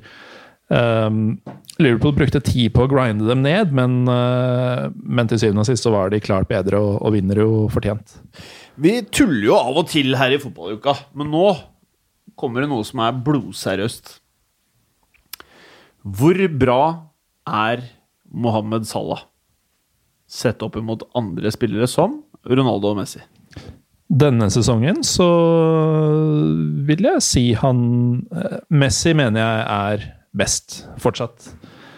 Eh, Men jeg kan fortsette Salah på andreplass denne sesongen. Ja, jeg er enig i det. Så, du, så, så, jeg, så jeg han leiemorderen begynte å rykke litt sånn i, i, i, sånn i Nei, kanten av øyet her. Altså, jeg jeg syns Salah er helt der oppe med, med um, Neymar og, og Mbappé. Uh, og så henger, men jeg syns også Messi er Messi er eh, på sitt beste en bedre spiller enn Ronaldo. Men Ronaldo vil nok ende opp med å ha den største karrieren. Fordi han har prestert på flere forskjellige arenaer enn en Messi. Men jeg tror aldri vi har sett en spiller som har prestert på et så høyt nivå som det Messi har i Barcelona. Det tror jeg er en Nydelig oppsummert. men, men ikke sant eh, Messi Høres har jo ikke, har ikke take. Men altså, Messi har ikke greid å prestere utenom Barcelona. Det trekker jo ned. ikke sant? Mens eh, Og landslaget er vel eh, litt bidragsytende, det også. Uh, altså, han har jo ikke- han har ikke eh, Ronaldo har vunnet Eh, han Alt, EM, alt. men nå har jeg, jeg, jeg har ikke oversikt over om Argentina har tatt noe Copa Messi har Amerika med noe Copa nei, America, nei, er Messi egentlig litt opphausa? eh, Oppskrytt!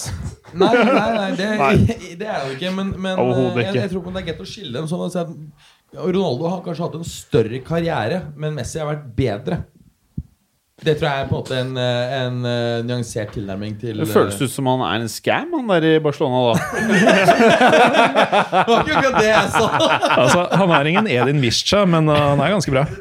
Hvem er din? Visca, han som var på ja, høstens ene lag Uh, Som ingen hadde hørt om, som Gallosen pressa inn i beste Fra Istanbul. Bashak Shehir, var det ikke det? Jo, det var noe Bashakir. Men uh, sånn Hvis vi skal bare kjapt, da. En liten sånn temperaturmåler anno eh, januar 2019. Hva er de fem beste spillerne på denne planeten eh, akkurat nå for deg, Berger? Messi først, Ronaldo 2, Mbapp 3, Sala 4 og Neymar 5. Hva med deg, Clay? I concur. Og Ja. Gallos 1? Du må jo ha noe weirdo-greier. Jeg orker ikke. Bare, bare, Det er, det er, det er jeg ganske enig i. ass. Er det det? Ja. I den rekkefølgen? Uh, for å være helt ærlig så fulgte jeg ikke så Ta godt den en med. gang til, Berger. Eh, Messi, Ja. Ronaldo, Mm. Uh, Mbaps, Salah og Neymar. Faen, jeg håpet du skulle choke og si det annerledes. Ja, men jeg, jeg, du, du så det, jeg holdt på ja. så, Mbappe faktisk er Allerede nå så er han så insane bra. Ja, jeg At han er faktisk bedre enn Salah. Og jeg mener at helt tiden at Salah er bedre enn Neymar. Neymar er bare nummer fem. Jeg er helt enig i at eh, Mbappé er eh, bedre enn eh, Neymar. Og, og helt der oppe. Men jeg ville faktisk hatt Salah oppe på nummer to. Foran Ronaldo. Han skåret like mye, pluss at han jobber hardere defensivt og kommet til ny liga. Det er mer imponerende. Ja. Nei. Og han var også, han var også mer imponerende i VM. Ja, men det er ikke det jeg snakker om. Så snakker vi bare høsten fra ligastart. Jeg snakker om denne sesongen, ja. Ja, nei, Da må jeg mene at Ronaldo har helt klart uh, vært på andreplass. Hvis du tar bort uh, VM, Nei, hvor, altså, hvor Ronaldo var mye bedre enn Salah, altså, hvis, da hvis du har tatt hele året, henter jeg. uh, Mm. Altså hele 2000 og, altså siste tolv månedene. ja. Men det er jo krevende det å komme til en ny liga, nytt system osv. Og, så og han jobber jo mye hardere defensivt blant annet enn tidligere. Ja. Mye mer eh, oppofrende og, og gi flere assist, ikke sant. Så, så den eh, den eh, At han bare tar det nye systemet og så, videre så raskt, det er veldig imponerende. Det er definitivt imponerende at han har tatt den overgangen som han har gjort, og det underbygger også påstanden din om at han eh, har hatt en større karriere i og med at han har gjort flere ting, eh, og da vist, uh, vist seg som en mer allsidig om ikke spiller, så type i hvert fall. da, En tilpasningsdyktig fyr. Det har jo Messi aldri måttet uh, vise. Vi vet jo, aldri, kommer jo aldri til å få vite om han kunne gjort det, men han har ikke gjort det. Så det Der vinner jo Ronaldo eh, på det. Men eh, jeg, jeg tenker at når jeg, når jeg ser Juventus, så tenker jeg oftest at de kunne klart seg om Ronaldo ikke hadde spilt. Ja, ja. Eh, det tenker jeg aldri når jeg ser Liverpool og Salah. Nei, det er, det er for at Juventus er jo en veldig sånn systemdrevet klubb. eh, hvor det ikke gis så mye rom for eh, hva skal vi si, individuell eh, finesse. da um, Og du ser jo at han spiller også forskjellig. Så jeg er helt enig. altså Juve er litt sånn Man kan fjerne ut den, og så blir det ikke så mye dårligere. Hva, hva, hvis vi snur litt på det nå, og vi sier topp fem gåstein talenter, altså som ikke spiller i sjeikeklubber eller Real og Barca og de greiene her. Hvilke fem spillere skal gjennom en heftig transferrunde enten til sommeren eller året etter? Hvilke fem talenter er det vi mener Jeg vet, to, jeg vet Clay har to på lager, i hvert fall. Men hvilke mener du? La oss starte med Clay. Jeg, jeg vil la meg starte, for jeg har ellers så tar okay, min, den, den som er øverst på min liste. Han første kom, jeg kommer på, er han Niklas Pepe. Eh, Hvor spiller han? Uh, Lille. Lille. Og så har du han Hva i- spiller han, da? Eh, Høyre ving, men venstrebent. Vi snakket jo litt om han sist. Skjærer Ja. ofte inn eh, i banen ikke sant, og går på skudd. Eh, og så har du jo Hvor gammel er han, vet du? Som eh, ja, sitter der? er ikke 21? 20? Ja, 21, tror jeg. Jeg husker ikke helt eh, 100 Nei, men rundt der, da. Okay. Mm. Ja. Og så har du jo en som er ganske mye snakk om i Italia.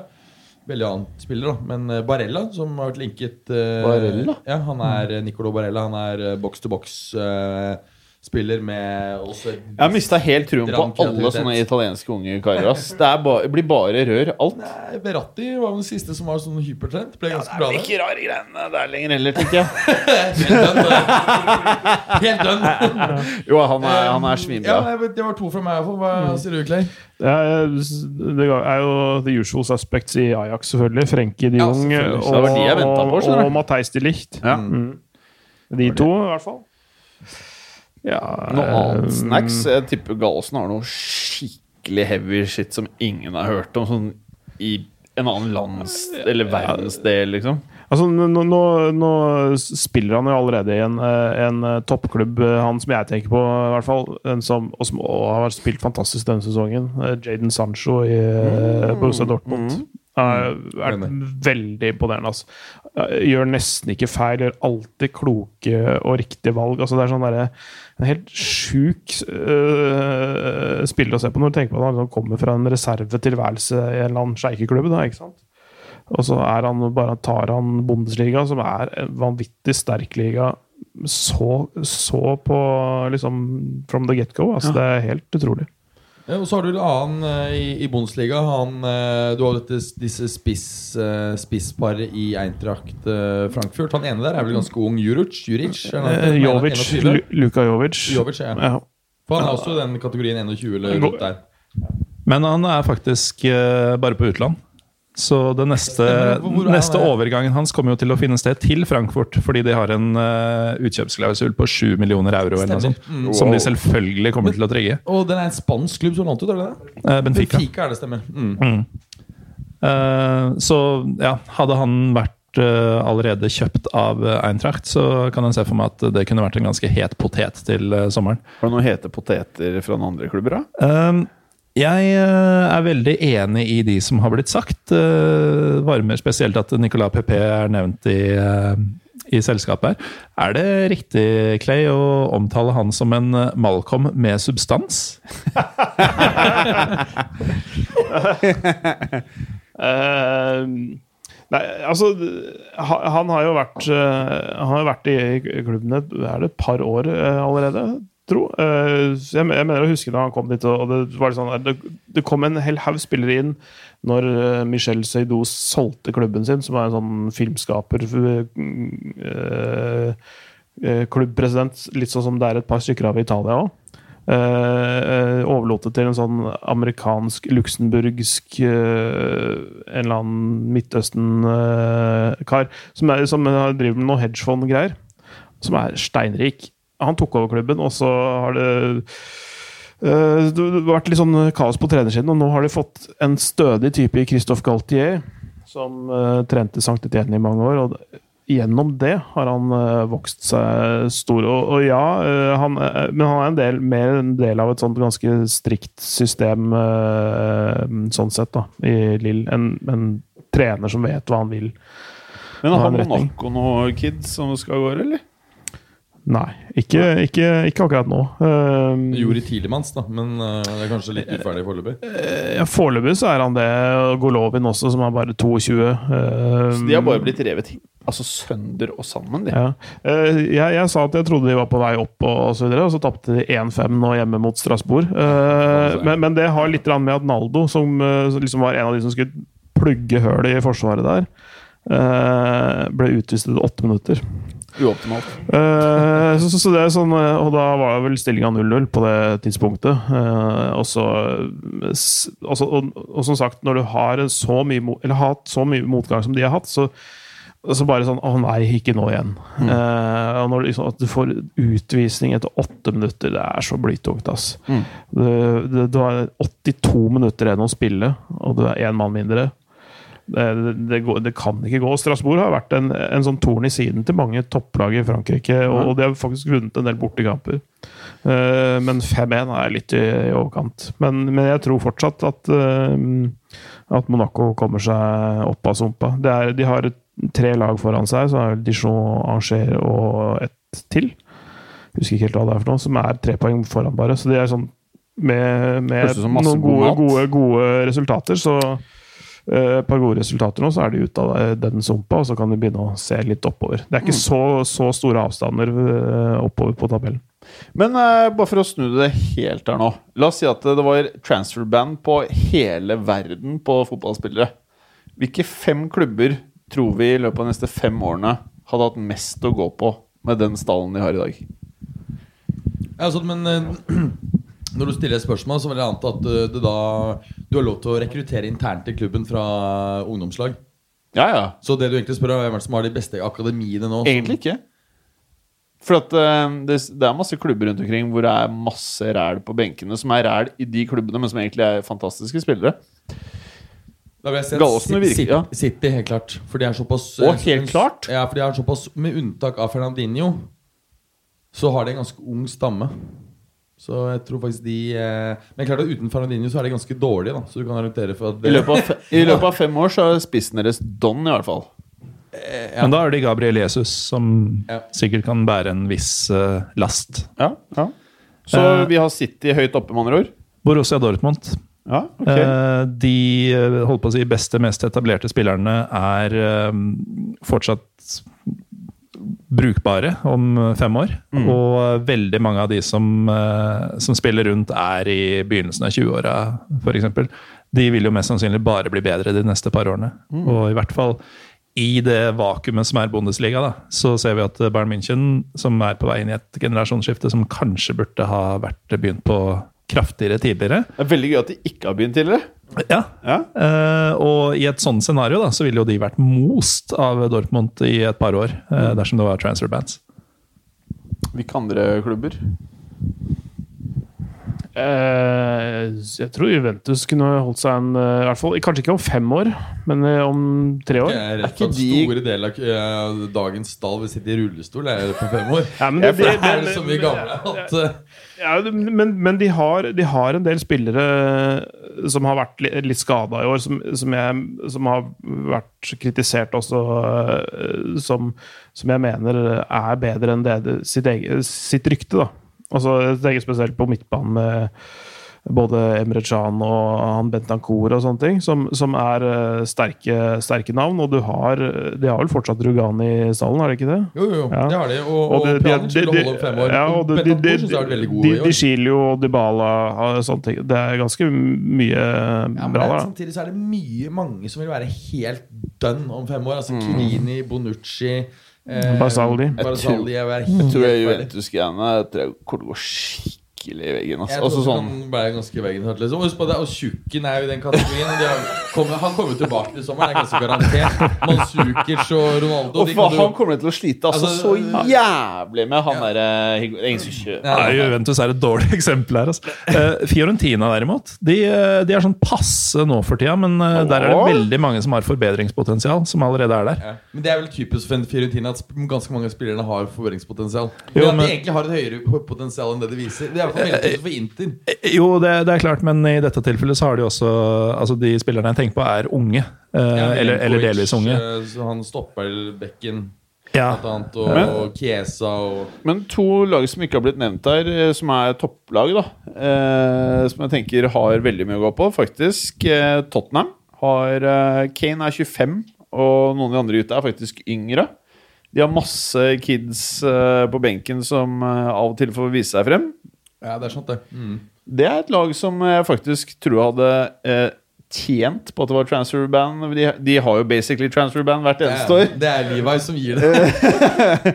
Og så det andre jeg tenkte på, var faktisk Real Madrid. Eh, de har en, det, alt er ræva der nå, men det er jævlig mye unge dudes som i utgangspunktet gåsetegn er bra spillere. Jeg er enig. Eh, og spesielt hvis du tar med de som er enten på utlån, og som de har eh, typisk tilbakekjøp. Der har du jo en av Dortmund og han derre Akhraf Hakimi som ble Ja, kåret til årets unge spiller eller noe sånt. Nei, ikke årets unge. Hva er det han kåret til sånn der pris? Jeg, jeg, jeg vet ikke. Han tror jeg kommer til å gjøre det men- men- svindårlig når han er tilbake, i hvert fall. Men, men i problemstillinga betyr det at man kan hente tilbake spillere som er utlånt, og eventuelt eh, hente, hente spillere som er på utgående kontrakt? Eller er det bare sånn, sånn som stallene er nå, Jeg blir tror- fryst? Jeg tror bare For du sånn kan, er Chelsea der, for de har jo Jeg tror bare sånn som det er nå, ikke hente tilbake utlån. Ingenting, bare akkurat sånn som det er nå, Ja, så, og kidsa. du, du fryser stallene sånn som de Ja. er akkurat nå? Ja.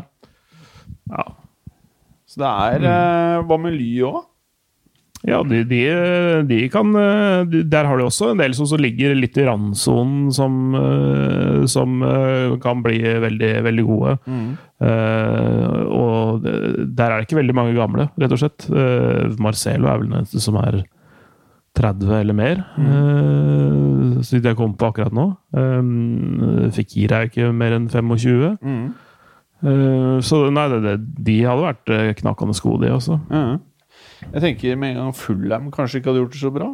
Uh, mye mye Uh, over the top dudes, syns jeg. Hammers der- derimot, de ville jo gjort det jævlig bra i et sånt scenario. Ja, men de, de har jo et av de største midtbanetalentene i England. da I han Declan Rice. Mm. Ja.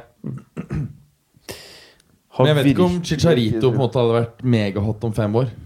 Altså han derre Andy Carroll. Åh. Men, men, eh, men han, eh, han hvem, hvem var det som eh, det rykta som skulle ha tak i han? Eh, fordi de United? Var det det? Jeg lurer Nei, var ikke det Newcastle, da? Som Nei, nei, nei, nei, nei jeg, jeg mener det var noe sånn type Chelsea eller noe. Hvis, hvis også et eller annet eh, Altså hvis også Higuain. Hig- Hig- Higuain går til helvete eller et eller annet. Men det er jo sånn derre det, det, Dette er jo tida for eh, når eh, en del eh, enkelte sportsredaksjoner sitter og bare koker sammen rykter og bare finner på ting, og så sier de 'according to sources', og så er det dem sjøl som har diskutert med seg sjøl. Litt sånn som fotballuka. Eh, hva var det jeg skulle si? Arnatovic er vel noe av det smarteste Chelsea kan gjøre. Han er den eneste av alle de dumme navnene som vi prater om, som faktisk kanskje scorer ti mål eller mer. Eh, nei, Altså, jeg tror, jeg, si en av de andre de har klikka til, som i det hele tatt høres noe i nærheten av 15 mål. I en løpet av en sesong eller på halvt år? Sesong, ja. Eh, Higuain skårer mer eh, på I Chelsea! Ja, jeg tror det igjen, men han kan bare holde én sesong, tror jeg. For så blir det for tungt. Altså, seriøst men jeg tror jeg, det er en fantastisk deal for halvt år for Chelsea. Jeg tror kan godt inngå et bet med deg. Hvis, hvis Higuain kommer nå, Ja. og han er der i ikke bare ut denne sesongen, men én til og en halv en til etter der Ja. Jeg tror ikke han skårer 15 mål i ligaen. På en, på en hel sesong, totalt sett? To sesonger! Jeg gir deg to sesonger. Ja, det er jeg villig til å vedde mot, altså. Ja, Ut Ja. denne og neste. Han er der altså i, i halvannen sesong, og da Ja, skal, ja, ja, ja. da skal han ha 15 mål? Ja. det tror jeg. Det er nesten så jeg kunne sagt 10. Jeg er der. Jeg Men kan si 15. 12, da. Ja, men, men, La oss gjøre det sånn at Ja, eh, du blir hvis, redd, du nei, nei, nei, nei, nei, jeg står for det. Men hvis jeg vinner Jeg bommer på alt, da. Men hvis jeg vinner, så lager du endelig middag til meg hjemme hos deg. Ja, det skal jeg gjøre. Ok? Mm, Ja. Kan jeg som vitne komme da? Ja, ja. Jeg har hørt deg snakke så mye om den matlaginga der. Altså, Berger har tisa i fem år Ja. med en jævla middag. liksom Har ikke sett snurten til dem Bare hører om alle vennene hans. Jeg, Jeg er sikker på at alle de der gourmand-referansene han kom med, har han bare googla rett før studio. Ja. Han har aldri hørt om trøfler engang. Men Higuain kommer til å bli disaster. Jeg bare sier det. Liksom. Altså, sånn, ja, det Som en, som en, klubben kommer til å rakne. Nei, så, så, Som en sånn quickstop så tror jeg det kan bli decent. Ok. Men, men hvis han skal være over lengre periode, så kjøper han fast, så blir det en uh, dårlig deal. Jeg, jeg håper han drar litt. Det, det er få ting som blir morsommere enn det. Uh, vi må kjapt gjennom her. Real Madrid-Sevilla. Dette her burde jo eh, endt i Sevilla-seier sånn uh, før kampen starta, spør meg, med tanke på hvordan alt er. Uh, Nei, altså, Hva skjedde? blant annet disse unge gutta som du nevnte, som, som sto frem og var, var gode. Eh, var mye kids. Ja, mye kids. Marcel blant annet har blitt satt på benken. Oh, Dr. Pepper Time in the studios! Det var en flau bris, altså. Åh, det ser faktisk litt godt ut der Clay Vi mesker sånn, seg med brusen sin. vi smakstest. Uh, vi var enige at den, den, er, den er en herlig krydret smak. Ja, den var faktisk lukta bedre enn antatt. Men du ser, de- de selger nok ikke så mye av den, for det er fortsatt sånn énkronerspann på flaska. Ja. Så det er fra gammelt av. Og det er sånn at du må snu den, for den har blitt bunnfall her, sånn som på god vin. Ja. den har stått så lenge. Ligger bare ren pepper i bunnen. Som Ja, altså, pepperkorn. den man vei, det så ut som sånn der Crystal Pepsi. For å si det sånn Det, men det er faktisk den offisielle drinken i, i Fanville i Kansas City. Så jeg, jeg mente jeg så, jeg så Ja. AFC-finalen, eller så deler han i, i natt. Ja, altså sånn eh, Er det collegefotball Eh, Nei, det er, nei, det er NFL, dette her. Eh, Det var eh, Altså, på det finalen mellom eh, Eller Åh, Kansas City Chiefs og Kan vi holde på å holde gående mer, eller? Og uh, New England Patriots i går. Det endte vel med Chiefs-seier, gjorde det ikke det? Nei, Nei Pats 37-31. Å ja. Ok. Ja, var, jeg, jeg, jeg, jeg la meg når uh, Chiefs leda. Så ja. Uh, men i hvert fall, de var den offisielle dri, softdrinken til Fanville i Kansas. Nå er jo ikke dette amerikansk fotballuke, men jeg er så drittlei Patriots. Altså. Det, det er liksom Barcelona ganga med det spanske landslaget for meg. Jeg, Ja, det er det. Altså, jeg, jeg, jeg har fått så nok. Du, du er ikke den eneste som uh, Han som- treneren og han quarterbacken, er det det som eh, det er det du tenker på, eller? Men eh, over til disse Real Madrid-gutta. Marcel blant annet er jo blitt satt på benken til fordel for Sergio Reguiron. Som uh, sto frem og er mye bedre enn Marcelo syns er defensivt. Og greide også å levere en assist her. Ryktene som jeg har eh, lest i dag, er at Marcello begynner å tenke på en exit også. At han eh, kanskje skal ta turen til Juventus og understøtte sin gamle venstresidekamerat. Ja, og det er faktisk eh, litt interessant, fordi at hvis Juve nå signerer Ramsey, og brexit, det blir brexit uten noen ny ordning for fotballspillere, så betyr det at um, Ramsey da vil være non-EU-player. Og da må Juve faktisk selge Alexandro eller en annen spiller. Så um, det er ikke umulig at Juve da Fordi Marcelo har nemlig spansk pass òg, så han går, på, går ikke på non-EU-kvoten. Så det, um, det kan være at Juve er keen på det, rett og slett. Eller i hvert fall gi en økt sjanse for at Juve er interessert i å betale. For det er klart han blir jo dyr i drift. Ja.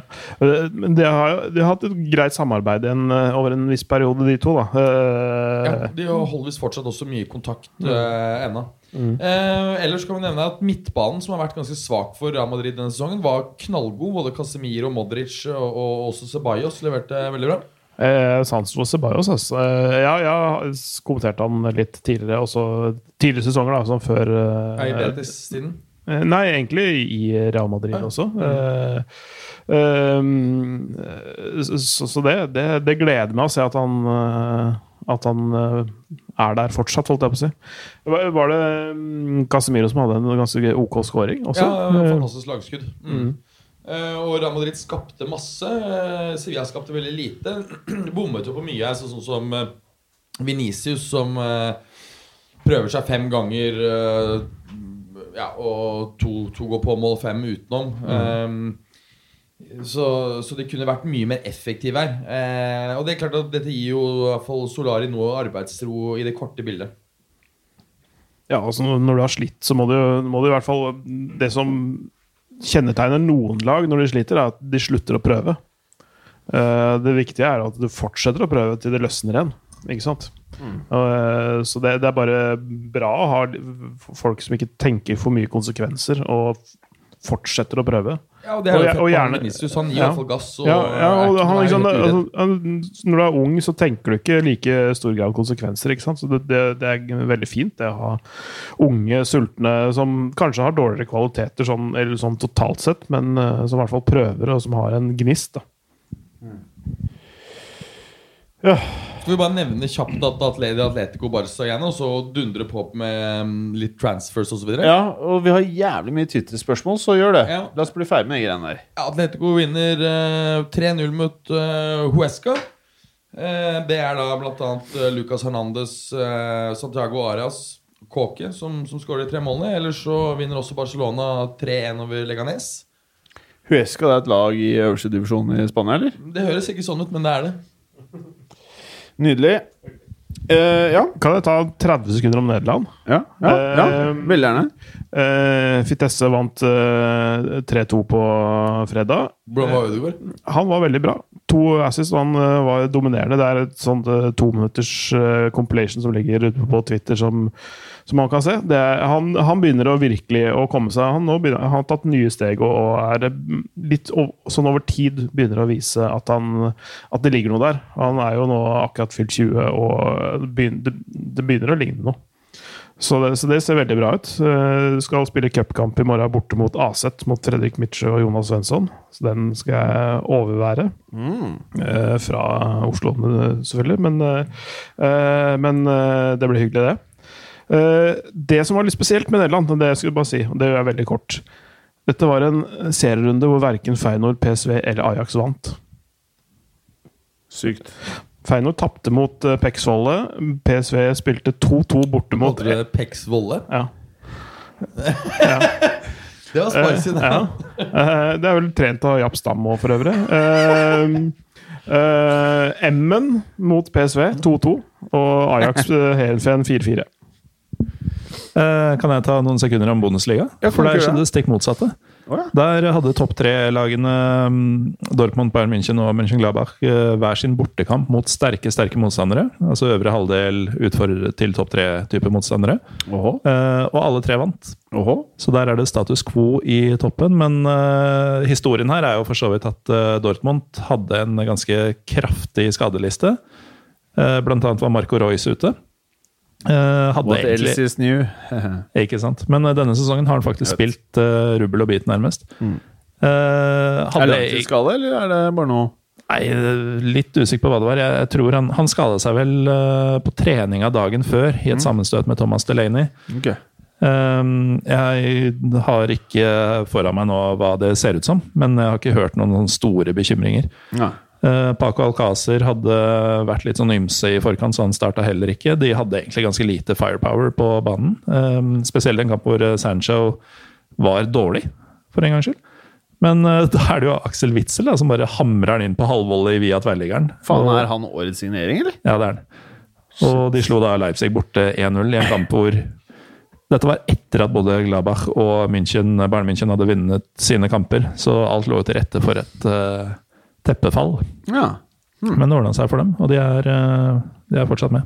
Hot shit, da. Fortsatt på topp, Impressive stuff. indeed. Eh, kjapt Serie A, eller? Nei. Nei, ikke sant? Eh, kjapt ligge Ø, eller? Jeg har vært innom eh, 9-0-seieren til PSG, 1-5-tappet til Monaco. Det er vel egentlig de to store tingene, bortsett fra Ron Up-derby som jeg hadde i går. Som er uh, kanskje det feteste oppgjøret. Det he- heteste reelle derby. De har jo prøvd å pushe Lech Classic, men det er en Kanal Pluss-konstruksjon fra 1993. Uh, ja, men det er, det er faktisk det.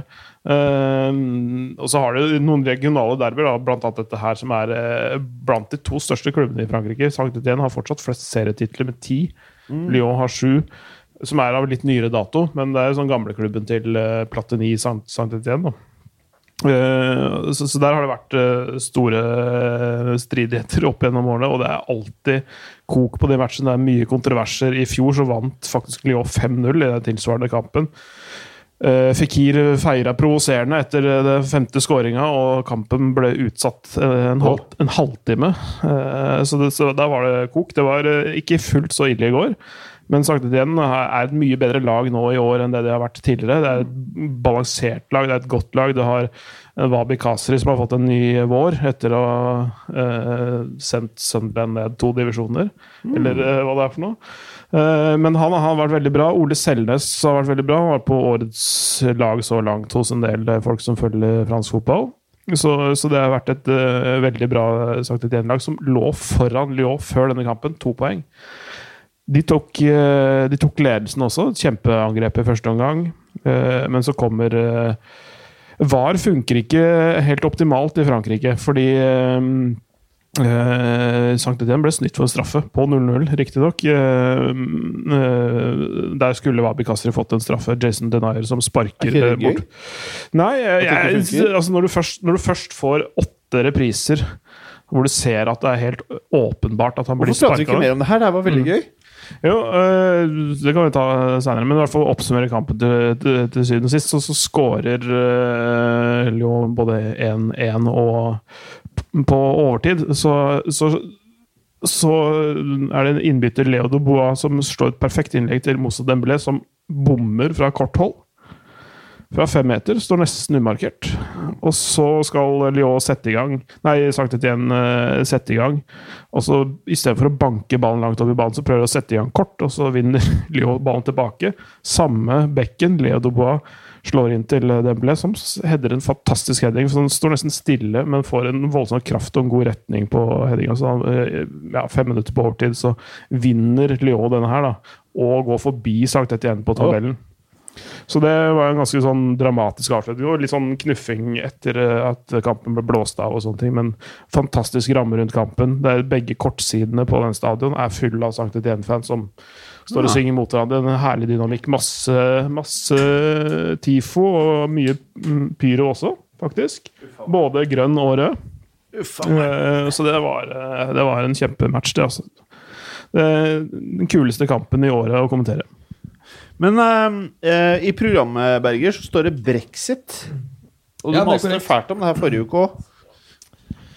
Ja, Vi snakket om det at nå som, eh, nå som det nærmer seg eh, at vi iallfall får endelig svar på om det blir noen brexit Jeg Ja. har jo hele tiden hevdet at ikke det kommer til å bli det. Det kommer før eller sent til å presse seg frem en ny folkeavstemning. Ja. Og der blir det flertall for ikke kjøre brexit. Men det er bra for alle i Europa, vel? Bortsett fra Nei. Neil Warnock. Eh, Nei, det er jo, vil jo være veldig bra for kontinentaleuropeisk fotball når du brekker. Jeg brexit. tenker bare sånn uh, europeere, vi som bor der, ikke fotball, liksom. Bare Da er det veldig bra at de går ut, for det Ja. vil jo styrke EU. Å ja, det vil jo, selvfølgelig, fordi selvfølgelig, for det er bare å se Før brexit-avstemningen så var det jo veldig mye snakk om nexit, pexit, grexit. Veldig mange land hvor det da var en del oppslutning om å gå ut av EU. Etter at eh, Storbritannia, Storbritannia stemte for, så har de på en måte sett hva er det som faktisk skjer. De har ikke sett det i praksis. Og nå er, jo, eh, nå er det jo nesten ikke noe snakk om Det er ikke noe snakk om noe, noe, Men, men det er vel bra for alle hvis nå brexiten blir avlyst? Nei, det er jo veldig bra, for da får man rubber stamp på det. At det er et helvete for landet å trekke seg ut. Kommer til å bli forferdelig dårlige økonomiske tider. Eh, Så og- du vil ha dårlige økonomiske tider? Ja, Det blir ikke noe dårlige tider for oss, det blir dårligere tider for britene. Men det vil styrke unionen, fordi alle vil se at det er komplett idioti å gå ut. Så jeg håper både for kontinentaleuropeisk fotball sin skyld og for europeisk samhold sin skyld at det blir en hard brexit. Men jeg tror det blir null brexit. Men det vi skal snakke om nå, er effekten av en eventuell brexit eh, på fotball. Da har du sagt brexit mange ganger. Altså. Ja, det er jo et uttrykk som har vært nevnt mange ganger over det siste Bare året. fordi For det første eh, jeg så si, hva, hva er det vi snakker om med en brexit? Og det, er, og det som vil påvirke fotball, det er jo da en eller annen, eller alle former for brexit som ikke lenger gir fri flyt av arbeidskraft eh, i Europa. Altså um, inn, til, inn til UK. Og det interessante er å se på hvor mange av spillerne nå ville ikke britiske klubber kunne signert hvis det ikke hadde vært for fritt flyt av eh, arbeidskraft. Og Det var det en, eh, en, eh, en professor på Harvard som ifølge The Economist gjorde nå i sommer. Han gikk gjennom alle signeringer Premier League-klubber hadde gjort fra sommeren 2000, nei, 1992, da Premier League ble skapt, og frem ut sommeren 2018. Og han fant at halvparten av alle spillere som da ble gitt arbeidstillatelse som var fra EU, ikke ville fått det hvis de måtte søkt arbeidstillatelse på samme betingelser som ikke-EU-land. Altså brasilianere, f.eks. Eh, BBC gjorde en tilsvarende undersøkelse Eller en annen undersøkelse i 2016. Og da var det hele 332 spillere fordelt på Premier League, Championship og skotsk Premier League som ikke ville fått arbeidstillatelse eh, hvis de da måtte søkt på eh, som non-EU-spiller. Dette er av de som er der nå, ikke sant? Ja. Fordi over 26 år så var jo ikke det altfor mange. Hva sa du for noe? 300 og hva det nå var. Tre, i, 2016 Ja, så var sant. det 332 spillere Greit. fordelt på Premier som var der da i 2016. Det er jævlig mange når du tar tre ligaer. ja, ja. Ikke sant? Det er jo da faktisk Hvor mye blir det liksom, hvor mange lag er det for, fordelt på Det er jo 92, tror jeg. Hæ? Nei, tre, sa du? Det er, det er fordelt da på Championship, Premier League og skotsk Premier Ja, League. Da er det mm. 332 fordelt på de um, Det blir type fem, fem spillere per 54 klubbene, tror jeg. Det, det blir ca. fem spillere per klubb da, i snitt. Mm. Um, men um, hvis man ser da på hvilke kriterier som uh, må møtes, så er det slik at er de ganske eh, straight forward i utgangspunktet. Det vil si at hvis du spiller på et landslag som er ranket som eh, topp 10 i verden, så må du ha spilt minimum 30% av kampene til det landslaget de siste to årene. Da får du automatisk eh, Så er det slik at hvis det er et, et lag som er mellom 31 og 50. beste, så må du ha spilt 75 osv. Men så er det også eh, unntaksmuligheter, og da kan du søke til et såkalt unntakspanel. Og da er det helt eh, da, Hvordan de vurderer det, det er, er, er eh, litt mer opp og ned, så det er eh, litt vanskelig å si. Det kan, kan hende at eh, noen av de spillerne som ble omtalt som eh, ikke mulig å få inn, ville kommet inn. Det opplegget husker jeg litt fra, fra barndommen og ungdommen, da reglene var litt strengere enn de er i dag. Eh, og da husker jeg at det, du kunne, f.eks. hvis en spiller ikke hadde spilt noen særlig landskamper, da kunne det være fordi han var 20 år gammel, da måtte du argumentere ganske hardt for at dette var en fyr som skulle gå rett inn på laget, og som skulle, skulle spille en rolle umiddelbart. Og at eh, grunnen til at han ikke hadde landskamper, var fordi han ikke hadde hatt tid til å få så mange landskamper. Uh, ganske rigid opplegg. Som uh, Altså, jeg husker United skulle kjøpe Celio Silva sommeren 1997, tror jeg det var. Brasilianer. Spilte for landslaget da, men hadde ikke spilt på landslaget lenge nok. Etablert type. Han ble jo aldri, det ble aldri noe annet. Men uh, da trodde United at det skulle bli den nye store. Eh, han fikk ikke arbeidstillatelse. Spilte da fast på landslaget på den tiden. Til Brasil. Nei, ikke sant, akkurat, akkurat det. Slik at, um, eh, men Du har jo sånn den unntaksbestemmelsen, men da der er ikke kriteriene like fastsatt, så da må på en måte argumentere godt for, uh, for um, hvorfor spilleren burde få lov til og Fordi den for har stort potensial.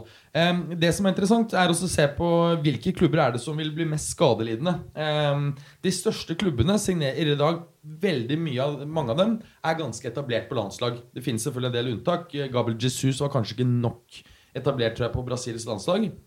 Hvis du ser på spillerne litt nedover på tabellen, så er det ganske få av dem som er sånn klare landslagsspillere. Ikke sant? En spanjol som spiller på eh, Ta Joselo, da, som spiller i Newcastle. Han er vel fortsatt der, er han ikke det? Joselo. Ja, uh, han, uh, han ville antagelig ikke fått eh, arbeidstillatelse. Eh, slik at jeg tror det første du vil se, Det er at det blir et større gap mellom de beste og de nest beste. Fordi at de nest beste ikke lenger kan hente noe særlig spillere utenfra. Mens de beste henter landslagsspillere. Eh, så de minste klubbene kommer til å påvirkes mer.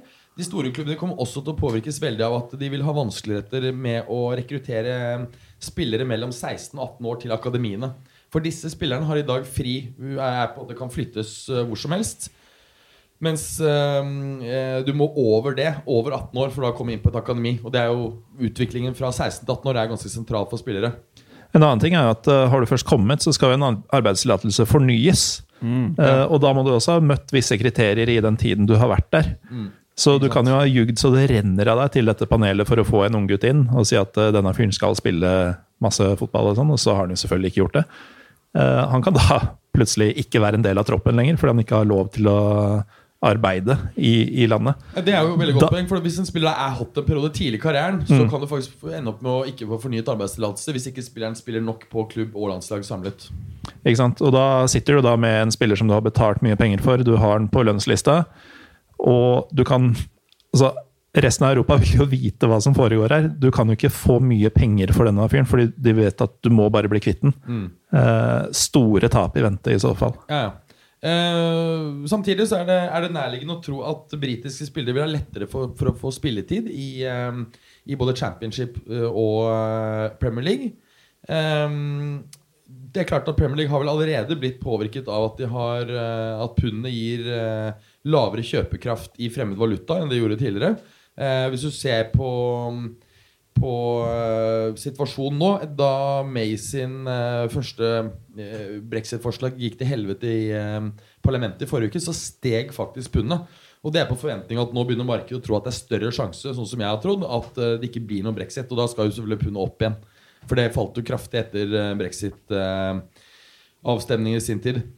Men for Premier League sin del så mener jeg at 10 000 kroner spørsmålet, hvis det da blir en hard brexit, det er hvorvidt færre utenlandske spillere vil senke kvaliteten, og deretter også appellen som Premier League har globalt, nok til at inntektene eh, og seerne går over til andre ligaer. Det er det som på en måte vil være den store effekten på lengre sikt hvis vi får en hard brexit. Eller altså Det er den store mulige effekten. Hashtag come to Fenerbahçe. Men også jeg setter også på hvordan effekten blir for EU. For det er klart, eller for, EU, for eh, kontinentaleuropeiske ligaer. da Eh, og Det er jo sikkert en del Det er jo ikke mange klubber dette vil være noe big deal for. Men det er klart at uh, Det er jo dritbra for alle andre enn uh, Ja, det er i utgangspunktet Ja, ja, det er det. Men, men bortsett Fordi fra de kan da bare fortsette Ja, ja. som vanlig. Men at de da kan grafse Sala, grafse helt enig, de spillerne som ikke får Altså Sala er jo non-EU-spiller i dag, så han er jo ikke noe for Ja, ok. på. Ja. Ja. Men, men Hazard. Eh, Azar er jo også ikke den som blir påvirket av det, tror jeg. Men, Hvem er det som blir påvirket av? Si en bra jeg tipper spiller, da. Han Brahim Diaz, som allerede gikk til eh, Han ville jo ikke fått lov til å dra til, eh, til Men City. er det en eller annen spiller Ja, ok, sånn, ja. Nei, ikke sant? Um, Men Sané, kunne man grafsa han på billigsalg? det er en, faktisk en mulighet for. Ja, ikke sant? Eller, ja, Det kommer litt an på om reglene er så rigide at det sier at du må spille landslagsfotball. For han spiller jo nok fotball i City. Ja. Men hvis det er slik at det er faktisk spesifikt landslag, eh, så, så Og særlig med tanke på at, eh, at eh, Tyskland har jo også nå rykket ut av topp ti landslag på ratingen. Så kravene til Har Tyskland det? Ja, de er vel falt ut av den øverste Men det er ikke noe poeng med sånne ratingsystemer, da. Men uh, vi, vi må ikke glemme her at eh, britiske styresmakter, la oss si at det har vært en hard brexit, eh, de ser jo verdien som fotballen pumper inn i systemet her. Det er jo de selv som setter reglene for Ja, ja. utlendingskvoter og sånn. Så Hvis de havner gjennom en egen fotball-act som bare sier at her er det øh, bare ja, fritt fram og? For husk på at Det er jo ikke bare eh, spillere. Det er også en betydelig andel av trenere, ikke bare manager, men også trenerstaff, som er, eh, vil bli rammet av dette. Og mange av de vil jo, må, vil jo måtte søke på veldig vanlige mm. premisser. Så mest sannsynlig så vil det jo, dersom dette skulle bli tilfellet, så vil jo fotballen få en slags eh, beskyttende aura rundt seg. Ja, Da må de i så fall innføre da spesifikke regler som gjelder uh, fotball som, som bransje. Men hvis de ikke uh, gjennomfører en sånn act, da på Kunne- ikke, hvis de da hvis de, bare for å nevne Ja. det, Hvis de får en hard brexit som gjør at de ikke har noen avtale med UK da kan de, Nei, med eh, EU, da kan de innføre den type regler unilateralt uten at EU har noe å si. Men hvis de har en avtale med, eh, med EU, som de går ut med, da er det antagelig dette her eh, regulert i avtalen. Og da er det faktisk ikke sånn at de kan innføre hva slags regler de vil. Mm. Så det er ikke sikkert at de står fritt hvis de, eh, hvis de eh, Ved hard brexit så gjør de jo det. Da står de helt fritt. Mm. Men eh, la oss si nå at det ikke blir noe av tjukken til Chelsea. Hadde da Chelsea slitt med å beholde Morata? Det, er faen meg, sjukt. det hadde de faktisk. Spiller ikke på et kvinnelandslag! Å, fy faen! Det kunne blitt tidenes fotballklasserer! Å, shit! Han kunne, han kunne nappa den ut for en ti Fordi det er så mange som skal selge, ikke sant? så han har vært åtte euro. Så det, det er snakk om 80 til 8 euro. Ja, Du får inderlig håpe på brexit nå, da. Oi, oi, oi. Men jeg kan også si litt om hvordan det vil påvirke For vi må også huske på at britiske, britiske spillere vil jo da også plutselig gå på EU, nei, non-EU-kvoten i EU-land. Slik at f.eks. Real Madrid, som i dag har tre spillere som er lov å ha utenfor EU EU-kvoten, eller ja, det, og det er Casemiro, eh, Federico, Valverde og Venicius. Men Bale vil plutselig også gå i den kategorien eh, i det øyeblikket eh, brexit har funnet sted. Så da må de selge Bale jævlig billig. Ja, det er helt ok. Du vil bare ta tapet og få han ut? Ja, det er jævlig å ha han der, faktisk. Han har jo vært god på sitt beste. Nei. Ja, han er ferdig. Og, Eh, og det er klart Juve kan få et problem eh, hvis Ramsey kommer. vi har jo et problem. Alle er 38 og oppover. ja, det er det.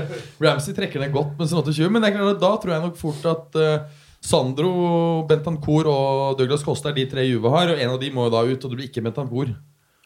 Så da blir det billig Diego Douglas Costa Ja. eller eh, Alexandro på Selge alle under 30. Ja. Eh, men det er klart, eh, for, som du nevnte, for klubber på kontinentet er dette stort sett positivt, fordi at eh, Premier League vil jo, eh, vil jo da ikke pushe opp prisene på samme måte som tidligere, så det vil jo bli mange flere eh, lette overganger å gjøre for kontinentaleuropeiske klubber. Dere kunne jo kjøpt han Kaaman fra Bundesliga. Ja. Han vil heller ikke faktisk fått komme til intro til, til, til UK nå. Eller etter dette her. Nei, så Det er de viktigste tingene. Men, eh, men på en måte det som virkelig vil, eh, vil påvirke det på sikt, hvis det blir en hard brexit, det er jo da hvorvidt, eh, hvorvidt færre spillere vil føre til såpass mye lavere kvalitet at appellen internasjonalt faller.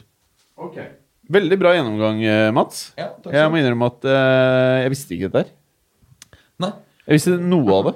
Nei, altså det, er, det, er, det er ikke som Det er veldig lite fokus egentlig på brexit-effekt på fotball. Det er fordi fotballfolk som regel kan litt om fotball og ikke så veldig mye mer. Det er litt sånn, har litt sånn short attention span, så de klarer ikke å følge argumentet helt til døra. Tenk deg alle de som sitter og hører på nå, som bare øh, Hva faen sa han? En til. Du kan jo bare transkribere det og så legge det, legge det ut. Ja, ja. En eh, serie med en- tweets. Kan vi kan lage et blogginnlegg. Skal vi snakke Ja, blogginnlegg. Ja. Men øh, Eh, overganger må vi jo ha litt på. Der er det jo skjedd masse. ja, vi har, vi har faktisk eh, veldig mye sånn Twitter-spørsmål. Kan vi ikke snakke litt overganger? Det er verdens feteste overgang gjennom historien. Det er jo Kevin, ganske lenge nå. Kevin Prince Boateng til Barca. Ok, la Hva er oss det ta som foregår? Ja, det er jeg. Jeg trodde- Ok, ta den. ta den. Hva er det for noe? Altså, hvor, altså, hva skal vi si, Kultspilleren Kevin Prince Boateng, som alle vil huske veldig godt, han var jo jævlig god en periode i Milan for en sånn seks-sju år siden. Han var god i Las Palmas òg.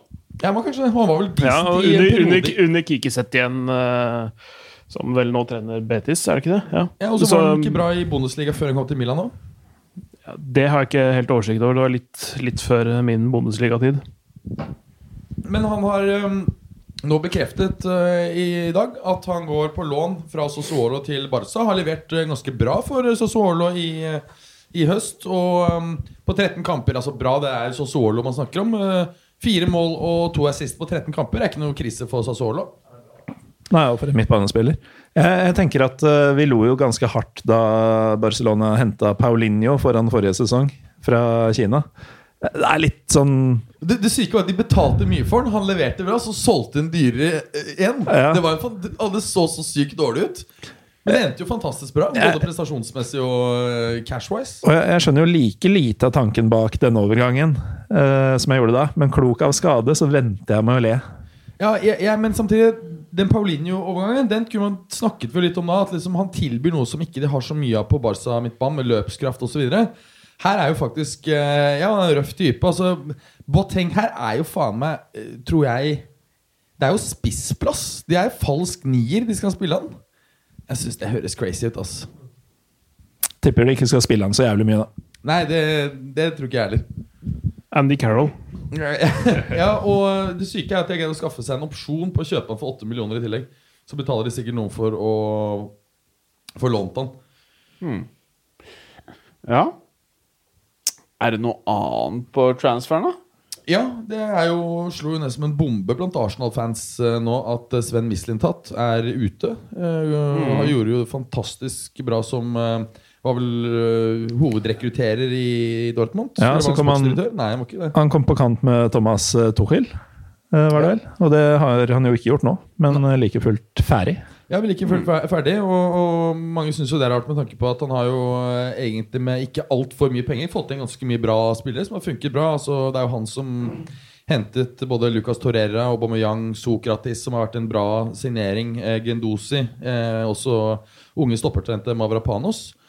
Um, men det, det jeg leser, er at han skal ha blitt marginalisert etter at Ivan Gazidis uh, gikk av i sommer.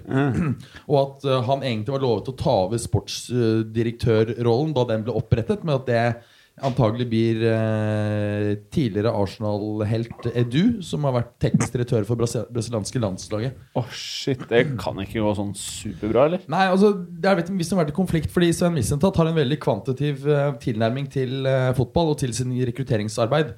Eh, mens eh, Emery og han eh, tidligere Barca-duden, hva heter han, eh, Sanlehi, de er mer sånn at de har bredt Veldig bredt nettverk i Spania og hører at han er et stort talent og er mer der. Da, ikke så kvantitativt orientert. Og de to stilartene når det gjelder å rekruttere, har eh, åpenbart krasjet. Så eh, mm. Noe mer transfers, eller? Noe mer rykter? Ja, Icardi ser ut som det blir ny kontrakt i Inter. Eh, Hun der Wanda Nara er jo sikkert ikke så lett å ha med å gjøre. Hun var ute og sa at det var helt uaktuelt med ny kontrakt for en uke siden, og nå sa han at det var helt uaktuelt ikke til ny kontrakt. Så, og dette er sånn direct quote, så det er ikke sånn at det har gått gjennom fire ledd. Uh, ja, så, så ser det ut til å bli. Men det er sånne managere man må ha, sånn, som er gale og veldig raske på triggerfingeren. For da blir presidentene nervøse. Ja, Bare, her kan alt skje. Ja, ja, ja. Hvis du har en som er oppegående, så går det an å prate. Og ja, hva med litt sånn, og skal vi gjøre sånn med prisene? Men her er det sånn Dette er det vi skal ha. Hvis ikke, så bare Ja, ja. så drar vi. Ja, for det virket jo helt uh, kjørt det, eh, for en uke siden. Var Hun jo- er som en kvinnelig Ari Gold. Nei, han Ja. er for så vidt Eller er det en kvinnelig Raiola? Er kvinnelig, ja. Basically. Ja. Eh, ellers um, Tenk om Raiola bøffer Wanda Nara igjen. Altså At hun ditcher enda en fotballspiller, går rett i Raiola. Å shit, Det hadde vært litt av et par, ass. Å, fy, faen. De hadde styrt fotballverdenen, liksom. Ja. Å, fy faen. Ja, fotballverdens eh, fem fatal med fotballverdens uh, Jeg vet da faen hva jeg skal kalle han. jeg. Men eh, jo, eh, Hammers kan ha endt opp med å finne sin erstatning hvis Arnatovic går. Og det er intet mindre enn eh, kulthelten Duvan Zapata, som for øyeblikket spiller i Atalanta på to års lån fra Sampdoria. Det må bli bra. det må lykkes. Det er så rotete opplegg, altså. Det, Han har vært god for uh, Altså, hva slags kostnad hvor, altså, Westham har helt ville kostnader. ja, Altså, Det må være så dyrt å bare ikke gå durken, liksom. ja, men uh, Det må være De har ja, Jeg aner ikke, men, men det må jo være en av De de har jo ganske mye penger. Det har vi jo sett hver gang vi går gjennom dette um, Deloitte Money League. At uh, Hammers er jo blant topp 20 rike klubber i verden. Ikke sant? Det er bare at de surrer så forpult mye med penger. Det er sånn 16.-plass eller sånn, er rundt sånn Milan. Jeg tror de har vært, hatt mer penger enn AC Milan uh, også. eh, Når, men det blir bare surr. Men nå surrer jo Milan òg, så det er kanskje Ja. en god uh, sammenligning. Men eh, Duvan Zapata, uh, dette er egentlig et toledda spørsmål. Okay. Har han vært god noen gang tidligere Uh, i en annen klubb enn Atalanta? Alle rister på huet. Dette er først, Og- og- første halvår han har vært god. Han Ja, er og- 27. Og hvis nei, altså han er toppskårer i serien, det er ikke til å kimse av det, men eh, av de 14 vel ligamåla han har, så er 13 kommet den siste halvannen måneden. Så det vil si, har noensinne vært god, bortsett fra de siste sju ukene. Ja, ja, ja nei, det er akkurat det. Så, han skårte jo Skårte jo fire mål for Atalanta nå, på, uh, nå i helgen. Og det var vel første gang på nesten 30 år at noen har skåret fire mål for Atal- Atalanta i en match. Ja, sjukt. Men uh, han er jo åpenbart Hvis det her ikke bare er sånn merkelig blaff, så er han jo en late bloomer. da uh, Colombiansk 27, har vel EU-pass, faktisk. Uh, Altså, en Det er ikke vært mye i England snart, det. Altså. det kan være en, en spiller som Westham kunne kjøpt, det er han der du prata om forrige episode. Han derre tjukke jaguaren, han som holdt på slankekur, som dro til uh, Ja, Gignac, ja. Ja. Eh, André Han- Pierre Gignac. Han kunne vært der. Det mener jeg. Ja, fordi Da, da Pjontek var linket til, så følte jeg det var altfor lite Hammers. For Han kan jo være en kongespiller, men han Gignac det er en veldig hamrete spiller. Ja. Og der, altså. Kjøpe en, en, en litt sånn halvkvapsete franskmann som uh, har egentlig l- sånn de, de facto lagt opp og spiller fotball i, i, i Tigres i Mexico. Ja, det hadde vært Higuain om to år. Når det liksom er virkelig kjørt, liksom. Bare ta over sånn 30 euro. Men det, det er litt fett når du ser spillere som går litt sånn litt for, litt for tidlig ut, altså, tidligere i karrieren enn det du forventer, og til en sånn liga, og så ser du at de faktisk leverer år etter år etter år. Han Jinak er en god, godt eksempel, og så har du han eh, Så forventa han skulle bli en, liksom en klubbhelt i Juve, eh, Giovinco. Eh, Sebastian I Toronto. Giovinco. I Toronto ja. En han sånn- har jo levert veldig mye mål assist der. Eh, En Westham-spiller hadde jo vært å signere Contrao. Ja, Bare rett inn. Contrao hadde vært 32, Siggen Ja. Ja. Røyke Ja, ja. Det var det som var Det var derfor han bare ble fryst ut av realgreia. Ja, fordi da han kom dit, så var han jo ganske decent, syns jeg. Han var steinbra. Ja. Ja, ja, ja, Han var venn med Ronaldo, og de hadde det hyggelig, og sånn, og så bare ferdig. Men uh, noe mer, eller? Har, Ja. du noe, har dere noe fra disse ligaene som eh, Ikke noe svære greier eh, per da, nå. da foreslår jeg Balotelli er nå er Det er Westham-signering! ja, ja. Dessverre så er det ikke Westham, for det er jo han Det hadde vært fett. Arnatovic ut, og så bare mm, inn med Balotelli der. Men han skal til Marseille. Eh, Cashley Cole skal tilbake til sin gamle lagkamerat eh, Frank Lampard, faktisk. Eh, oh, ja. Fått kontrakt på 100 000 eh, Nei, 10 000 pund i uka. Ja, det tror jeg Til kommer til å bli veldig bra. eh, Derby County.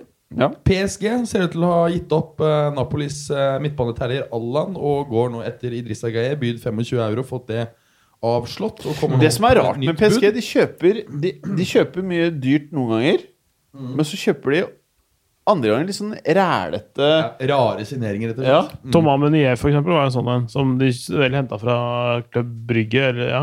Og det, det var ikke en spesielt dyr overgang, eh, men han har vært en av de, sånn, de mest sånn konsistente eh, spillerne mm. der sånn eh, Ja. prestasjonsmessig. Har vært et sol, veldig solid kjøp. Ja, kan vi gå nå til Twitter? Eh, et par Vi har- her også. En å le og en Vi har bare ja. 15 minutter igjen på den der boksen. Ok, ehm, Real Madrid ser ut til å ha sikret seg eh, Portos eh, stoppertalent, eh, 20 år gamle brasilianske Eder Militao, som er Stakkars. Fantastisk god for Porto i år. Han kommer til å bli knust. kom med et rykte at han var litt vel røff i taklingen, men har faktisk vært uten uh, kort hele sesongen. Uh, For vi prata om uh, før Porto. sendingen på telefonen der, at han kanskje var en ny PP. Ja, ja, ja, ja. Ja. Jeg håper sagt- det, men jeg tror det Noen har sagt at han kommer til å bli en ballspillende PP. Ja, ok. Får vi se. Eh, ellers er det dette her er jo litt lættis. og Disse Liverpool litt De lånte jo ut Nathaniel Klein, for de hadde så jævla mye høyrebekker. Etter litt skadetrøbbel så, så sier Klopp nå at vi kanskje må ut i markedet. Det er to uker etter! Kom til the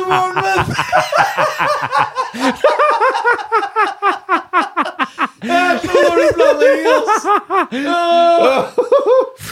Kanskje vi kan låne noen bekker fra United, da. Tenk deg hvis de ikke får tak i noe, og så er det det bekkproblemet som gjør at det ikke blir ligatittel.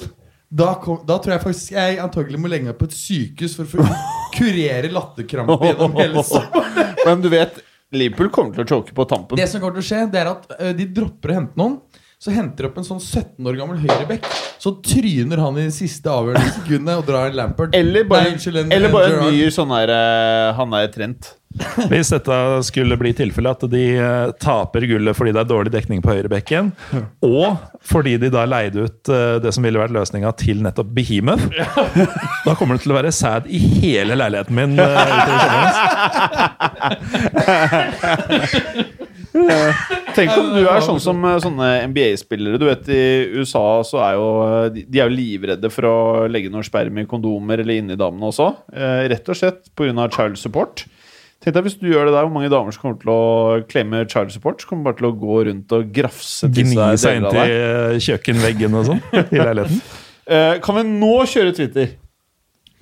Ja, Minn meg på at vi ikke skal på middag til Nei, jeg fikk ikke spesielt lyst til det. Spesielt ikke hvis Liverpool ikke vinner ligaen. Hvis, det er gnidd utover kjøkkenveggen hans, så, så tenker jeg Fotballuka-pizza og masse sånn her sås.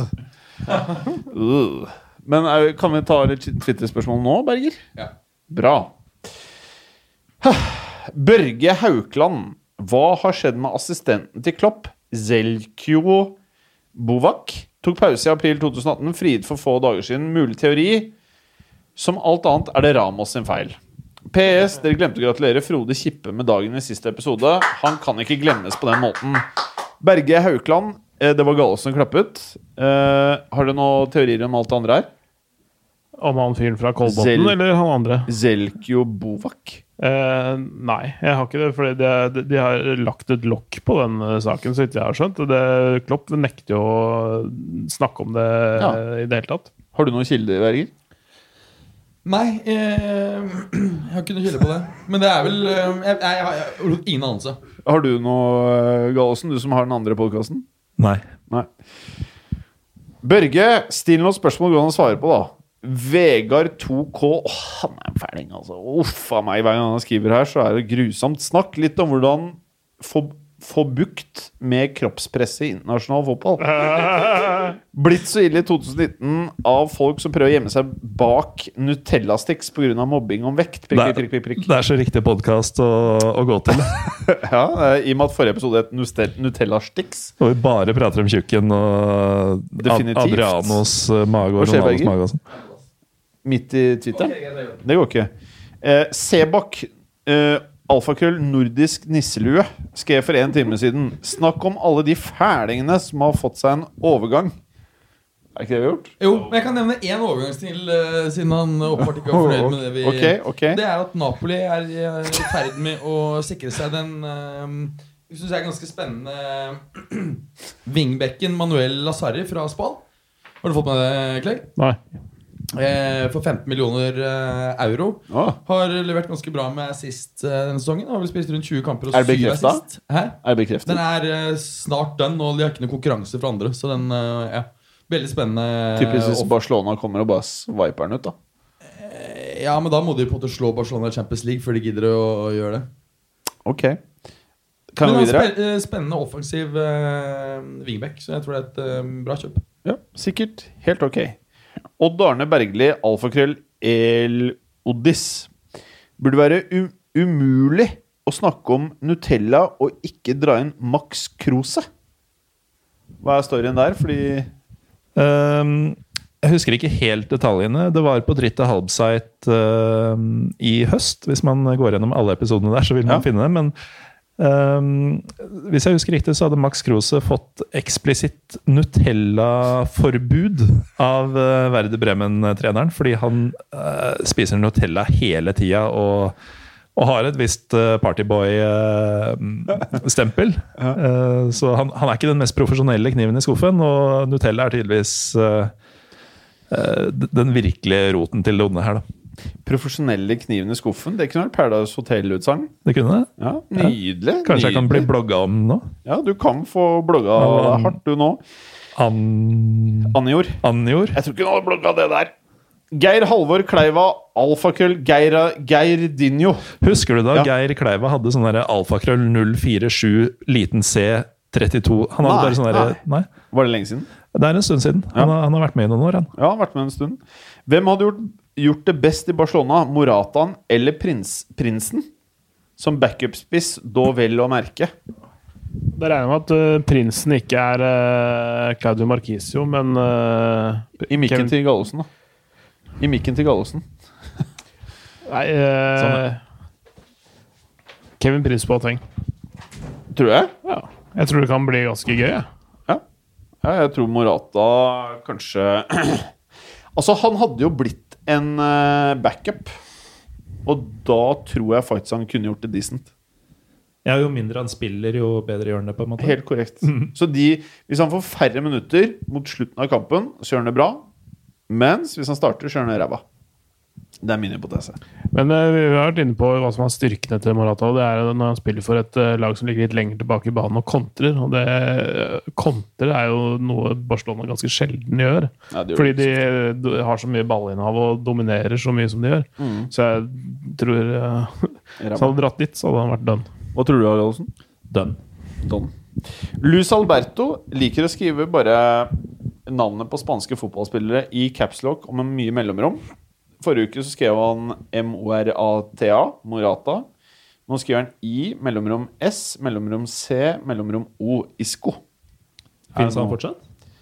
Han fins, men uh, tror ikke trenerne tenker så mye på han. Uh, så er det en som heter The Beautiful Game. Diskuterer Mourinho sine siste utsagn i Be In Sports med flere stikk til bl.a. Klopp og Pep. Park the Bus-ryktet, definisjon, definisjon av moderne fotball og mer. Jeg, jeg har ikke hørt alt uh, han har sagt, men det, det, det han snakka om med Klopp og Pep, var at de hadde så mye bedre arbeidsforhold. De fikk hente de spillerne de ville ha. og sånne ting. Altså, nå er det jo sånn nettspenn som United har gjort under Mourinho, er jo mer enn det Klopp har brukt i, i Liverpool, så vidt jeg skjønte. Så, så, så pengene er ikke det det har stått på, men han har vel eh, sånn indirekte kritisert eh, hvem som får lov til å bestemme hvem som ble henta. Så vidt jeg har skjønt. eneste jeg fikk med meg fra den eh, praten i Bean Sports, var eh, at han bekrefta at den historien om at han hadde smugla seg selv eh, ut av stadion i, eh, i en skittentøyskurv, eh, den var sann. Eh, det var vel en match hvor han hadde vært suspendert og ikke hadde lov til å snakke med laget. eller noe sånt Så han hadde kommet til stadion grytidlig på dagen hvor ingen hadde sett den. Nærmest barrikadert seg inn i garderoben. Og da han skulle forlate stadion for å ikke bli sett, så ble han trilla ut i en uh, i en skittentøyskurv. Det er en konge, da. som, Det er sånn eh, Donald-historie som, eh, som, som er faktisk helt sann. da. Og den ble nesten fatal. Oh. Fordi uh, den hadde vært uh, veldig sånn tett og av jern, hvis jeg forsto det riktig. Og hadde følgelig vært uh, lukka med lite sånn glippe da, til luft. Eh, men da han hadde kjørt over en Da han hadde blitt trilla over en sånn dørkarm, så hadde den lukka seg helt, sånn at han ikke fikk luft. Og han hadde nesten blitt kvalt der inne. Uoptimalt. Det, det, det, det er noen som mener at det kanskje hadde vært greit. Men det hadde Men eh, Ja, da kan mange Real Madrid-supportere om kort tid. Nei, det, Joakim, Joakim Løv skal jo trene Real Madrid, har jeg hørt. Å, fy faen. Ja, det er litt gøy, da. Det er, det er, gøyalt, det er, det er gøyalt rykte. Han kommer til å bare Bu, Ja. buser, i, buser på Ja, det Bernabeu. kunne jeg egentlig synes er helt ok. Altså, han har jo spilt god fotball med Tyskland på sitt beste. Ja. Men han har jo, det er jo veldig lenge siden han uh, trente klubb. da Og det er litt er liksom en sånn ekkel fyr med stramme, fæle, hvite skjorta si, og de sniffer seg sjæl. Liksom. Ja, Det er liksom, ja. Det er et eller annet med tyske trenere og deres sånn der forkjærlighet for uh, høyhalsa gensere og, og Ja, eventuelt ha skjerf i sånn derre sånn Ja, jeg vet ikke helt. knute. Ja, med sånn Vi må, vi må videre. Vi har faktisk bare ni minutter igjen av båndopptakeren. Amund Fossland. Er Sarriball don? Får han sparken hvis de ikke får topp fire? Spørsmålstegn. Sarriball er ikke done. Det, det, det, mindre justeringer, så vil det fortsette. Usikker på om han får sparken hvis det, ikke er, to, hvis det, er, hvis det er eh, femteplass eller dårligere. Det er jeg ikke helt sikker på, faktisk. Nei, det er litt vanskelig å si. Mm. Jeg, jeg tror de kanskje har skjønt at det ikke er så lett å få en topptrener til å komme dit, ha lite eller ingen innflytelse på signeringer, spille bra fotball. Men jeg føler at de har ganske vanskelige arbeidsforhold. Jeg, jeg, jeg, jeg vet ikke. Jeg, har litt feelingen at de skjønner at de må, må gi en viss tid. Mm. Så jeg tror han, eh, med mindre det blir sånn ordentlig kollaps, så tror jeg han overlever og får en sesong til uh, uansett. Hvis ikke topp fire. Ja, jeg tror at han kan tåle en femteplass. Ja. Men kommer på liksom sjette, jeg tror så- han ryker da, for det er bare min uh, ville prognose. Uh, Trond Mathisen, vinterpausen i Tyskland er over. Har det skjedd noe? Noe man bør følge med på? Spørsmålstegn. Det er vel bare første Bundesligaen som har starta. Andre eh, Altså den virkelige fotballens liga, andre Bundesliga, eh, med Union Berlin og sånn, de starter vel neste helg, det. Eh, ja, ikke nå til helga, men neste der igjen. Så om, eh, om ti dager fra vi sitter her nå, torsdag faktisk, i neste uke, da er det Union Berlin hjemme mot Kjøln. Og den kampen skal visstnok din arbeidsgiver Altså vise? Pål Thomas. Køln? Ja, I den andre podkasten så sier de Kjøln, og det syns jeg er veldig morsomt. Kjøln. Men uh, den blir fet. altså Da er virkelig fotballen tilbake på uh, Ja, ja. på Alte Følsterøy og, og i det hele tatt. Hva er forklaringen på at Køln, som er egentlig en ganske stor klubb som har brukbart store inntekter, ikke greier å få en, liksom en mer stabil uh... Det er Tysklands brann. Ok, ja, Nei, det forklarer mye. ja, det, er, det er faktisk nettopp det. Det er Tysklands brann. Hvem er husekleppen deres, da? Det var eh, Ja, faen, det er et godt spørsmål. Altså Den eneste spilleren jeg, jeg, jeg kommer på som er hva skal si, var derfra, han som var tysk-polsk. Polske. Nå Ja. har vi syv minutter igjen. Vi må snart videre. Er det noe mer om dette Tyskland-greiene? Det er jo bare å følge med på Tyskland. Altså, Herlig, herlig liga, som, eh, som Pål Thomas eh, nikker anerkjennende Bra. Trond Mathisen. Da må du følge med. Du har for så vidt et rosa bilde av deg selv. Men eh, kan du si, hvis man skal følge med på noe spesielt, da, så er det angrepsrekka til Frankfurt. Den er helt nydelig med tidligere nevnte Jovic, Ante Rebic og Sebastian Aller. Nydelig, da. Arr. Eh, Aller er han som har skåret nesten like mye som Eller er det Rebic? Som har Nå husker jeg ikke helt tallene på Aller, men han er, han er vel eh, Han er vel på en f- fjo- fjo- Nei, tolv. Tolv mål, er han det? Noe sånt? Ja, altså, så han, han er i hvert fall Jeg tror han fortsatt er toppskåreren. Jeg tror han hadde i hvert fall flere enn Jovic eh, for ikke er, er foran nå, ja. Han skårte vel ett eller to nå. Nei, men Han er sånn på tolv mål eller et eller annet sånt. Han, han er en veldig bra sånn link-up-spiller, for de to andre er ganske kraftige, korte Altså ikke i fotballforstand ikke så veldig høye spillere, men Aler er mer en sånn en stor spiller, men veldig teknisk. Mye mer teknisk enn det du skulle tro, og ganske kjapp. Så de har, altså de har en del forskjellige egenskaper, de tre der, og, og understøtta av en eh, relativt oppegående midtbane også. Eh, så det der er et veldig spennende lag, faktisk. Ok. Tobias Hermansen, hvilket år er stadion til Tottenham klar? 2022? Omtrent samtidig som flyplassen i Berlin. Og det er lenge til. Der er har de ikke engang planer om å bygge en flyplass? Er det det du Ja, den, den, den, den skulle vært, skulle vært åpna i 2013, skulle den ikke det? Eller 2012? 2012, ja. Hvordan faen vil du Eh, syv år forsinket i Tyskland? ja det det er det som er, så det som er litt rart. bygningen ved siden av Stortinget. Ja, som vi nesten ser herfra. Det er. Men uh, vi, må, vi har bare noen minutter igjen her, bare for å ta de siste her. Fredrik Bjørnli, PSG vant 9-0 i helgen, selv om de spilte mot bunnlaget. Hvor elendig den gikk jeg gjennom i stad. Ja, ok, ikke sant. Petter, Petter PK, prat gjerne om de siste utsagnene til Mourinho og Klopp, viktigheta, ta støtte på Ja, Petter, det er stilt. Lars Marius Matre, prat om Sarris kommentarer etter Arsenal-Chelsea. Det har vi pratet om. Og det, mer rekker vi ikke nå. Vi må bare si ha det godt. Ha det bra! Ha det! Ha det! Ha det! Så du ha Ha det? det. Ja, ja. Ha det! Ha det. Takk for at du gadd å høre på. Vi er Fotballuka på Twitter, Facebook og Instagram. Følg oss gjerne. Men bare få høre. Den tror jeg blir litt fet.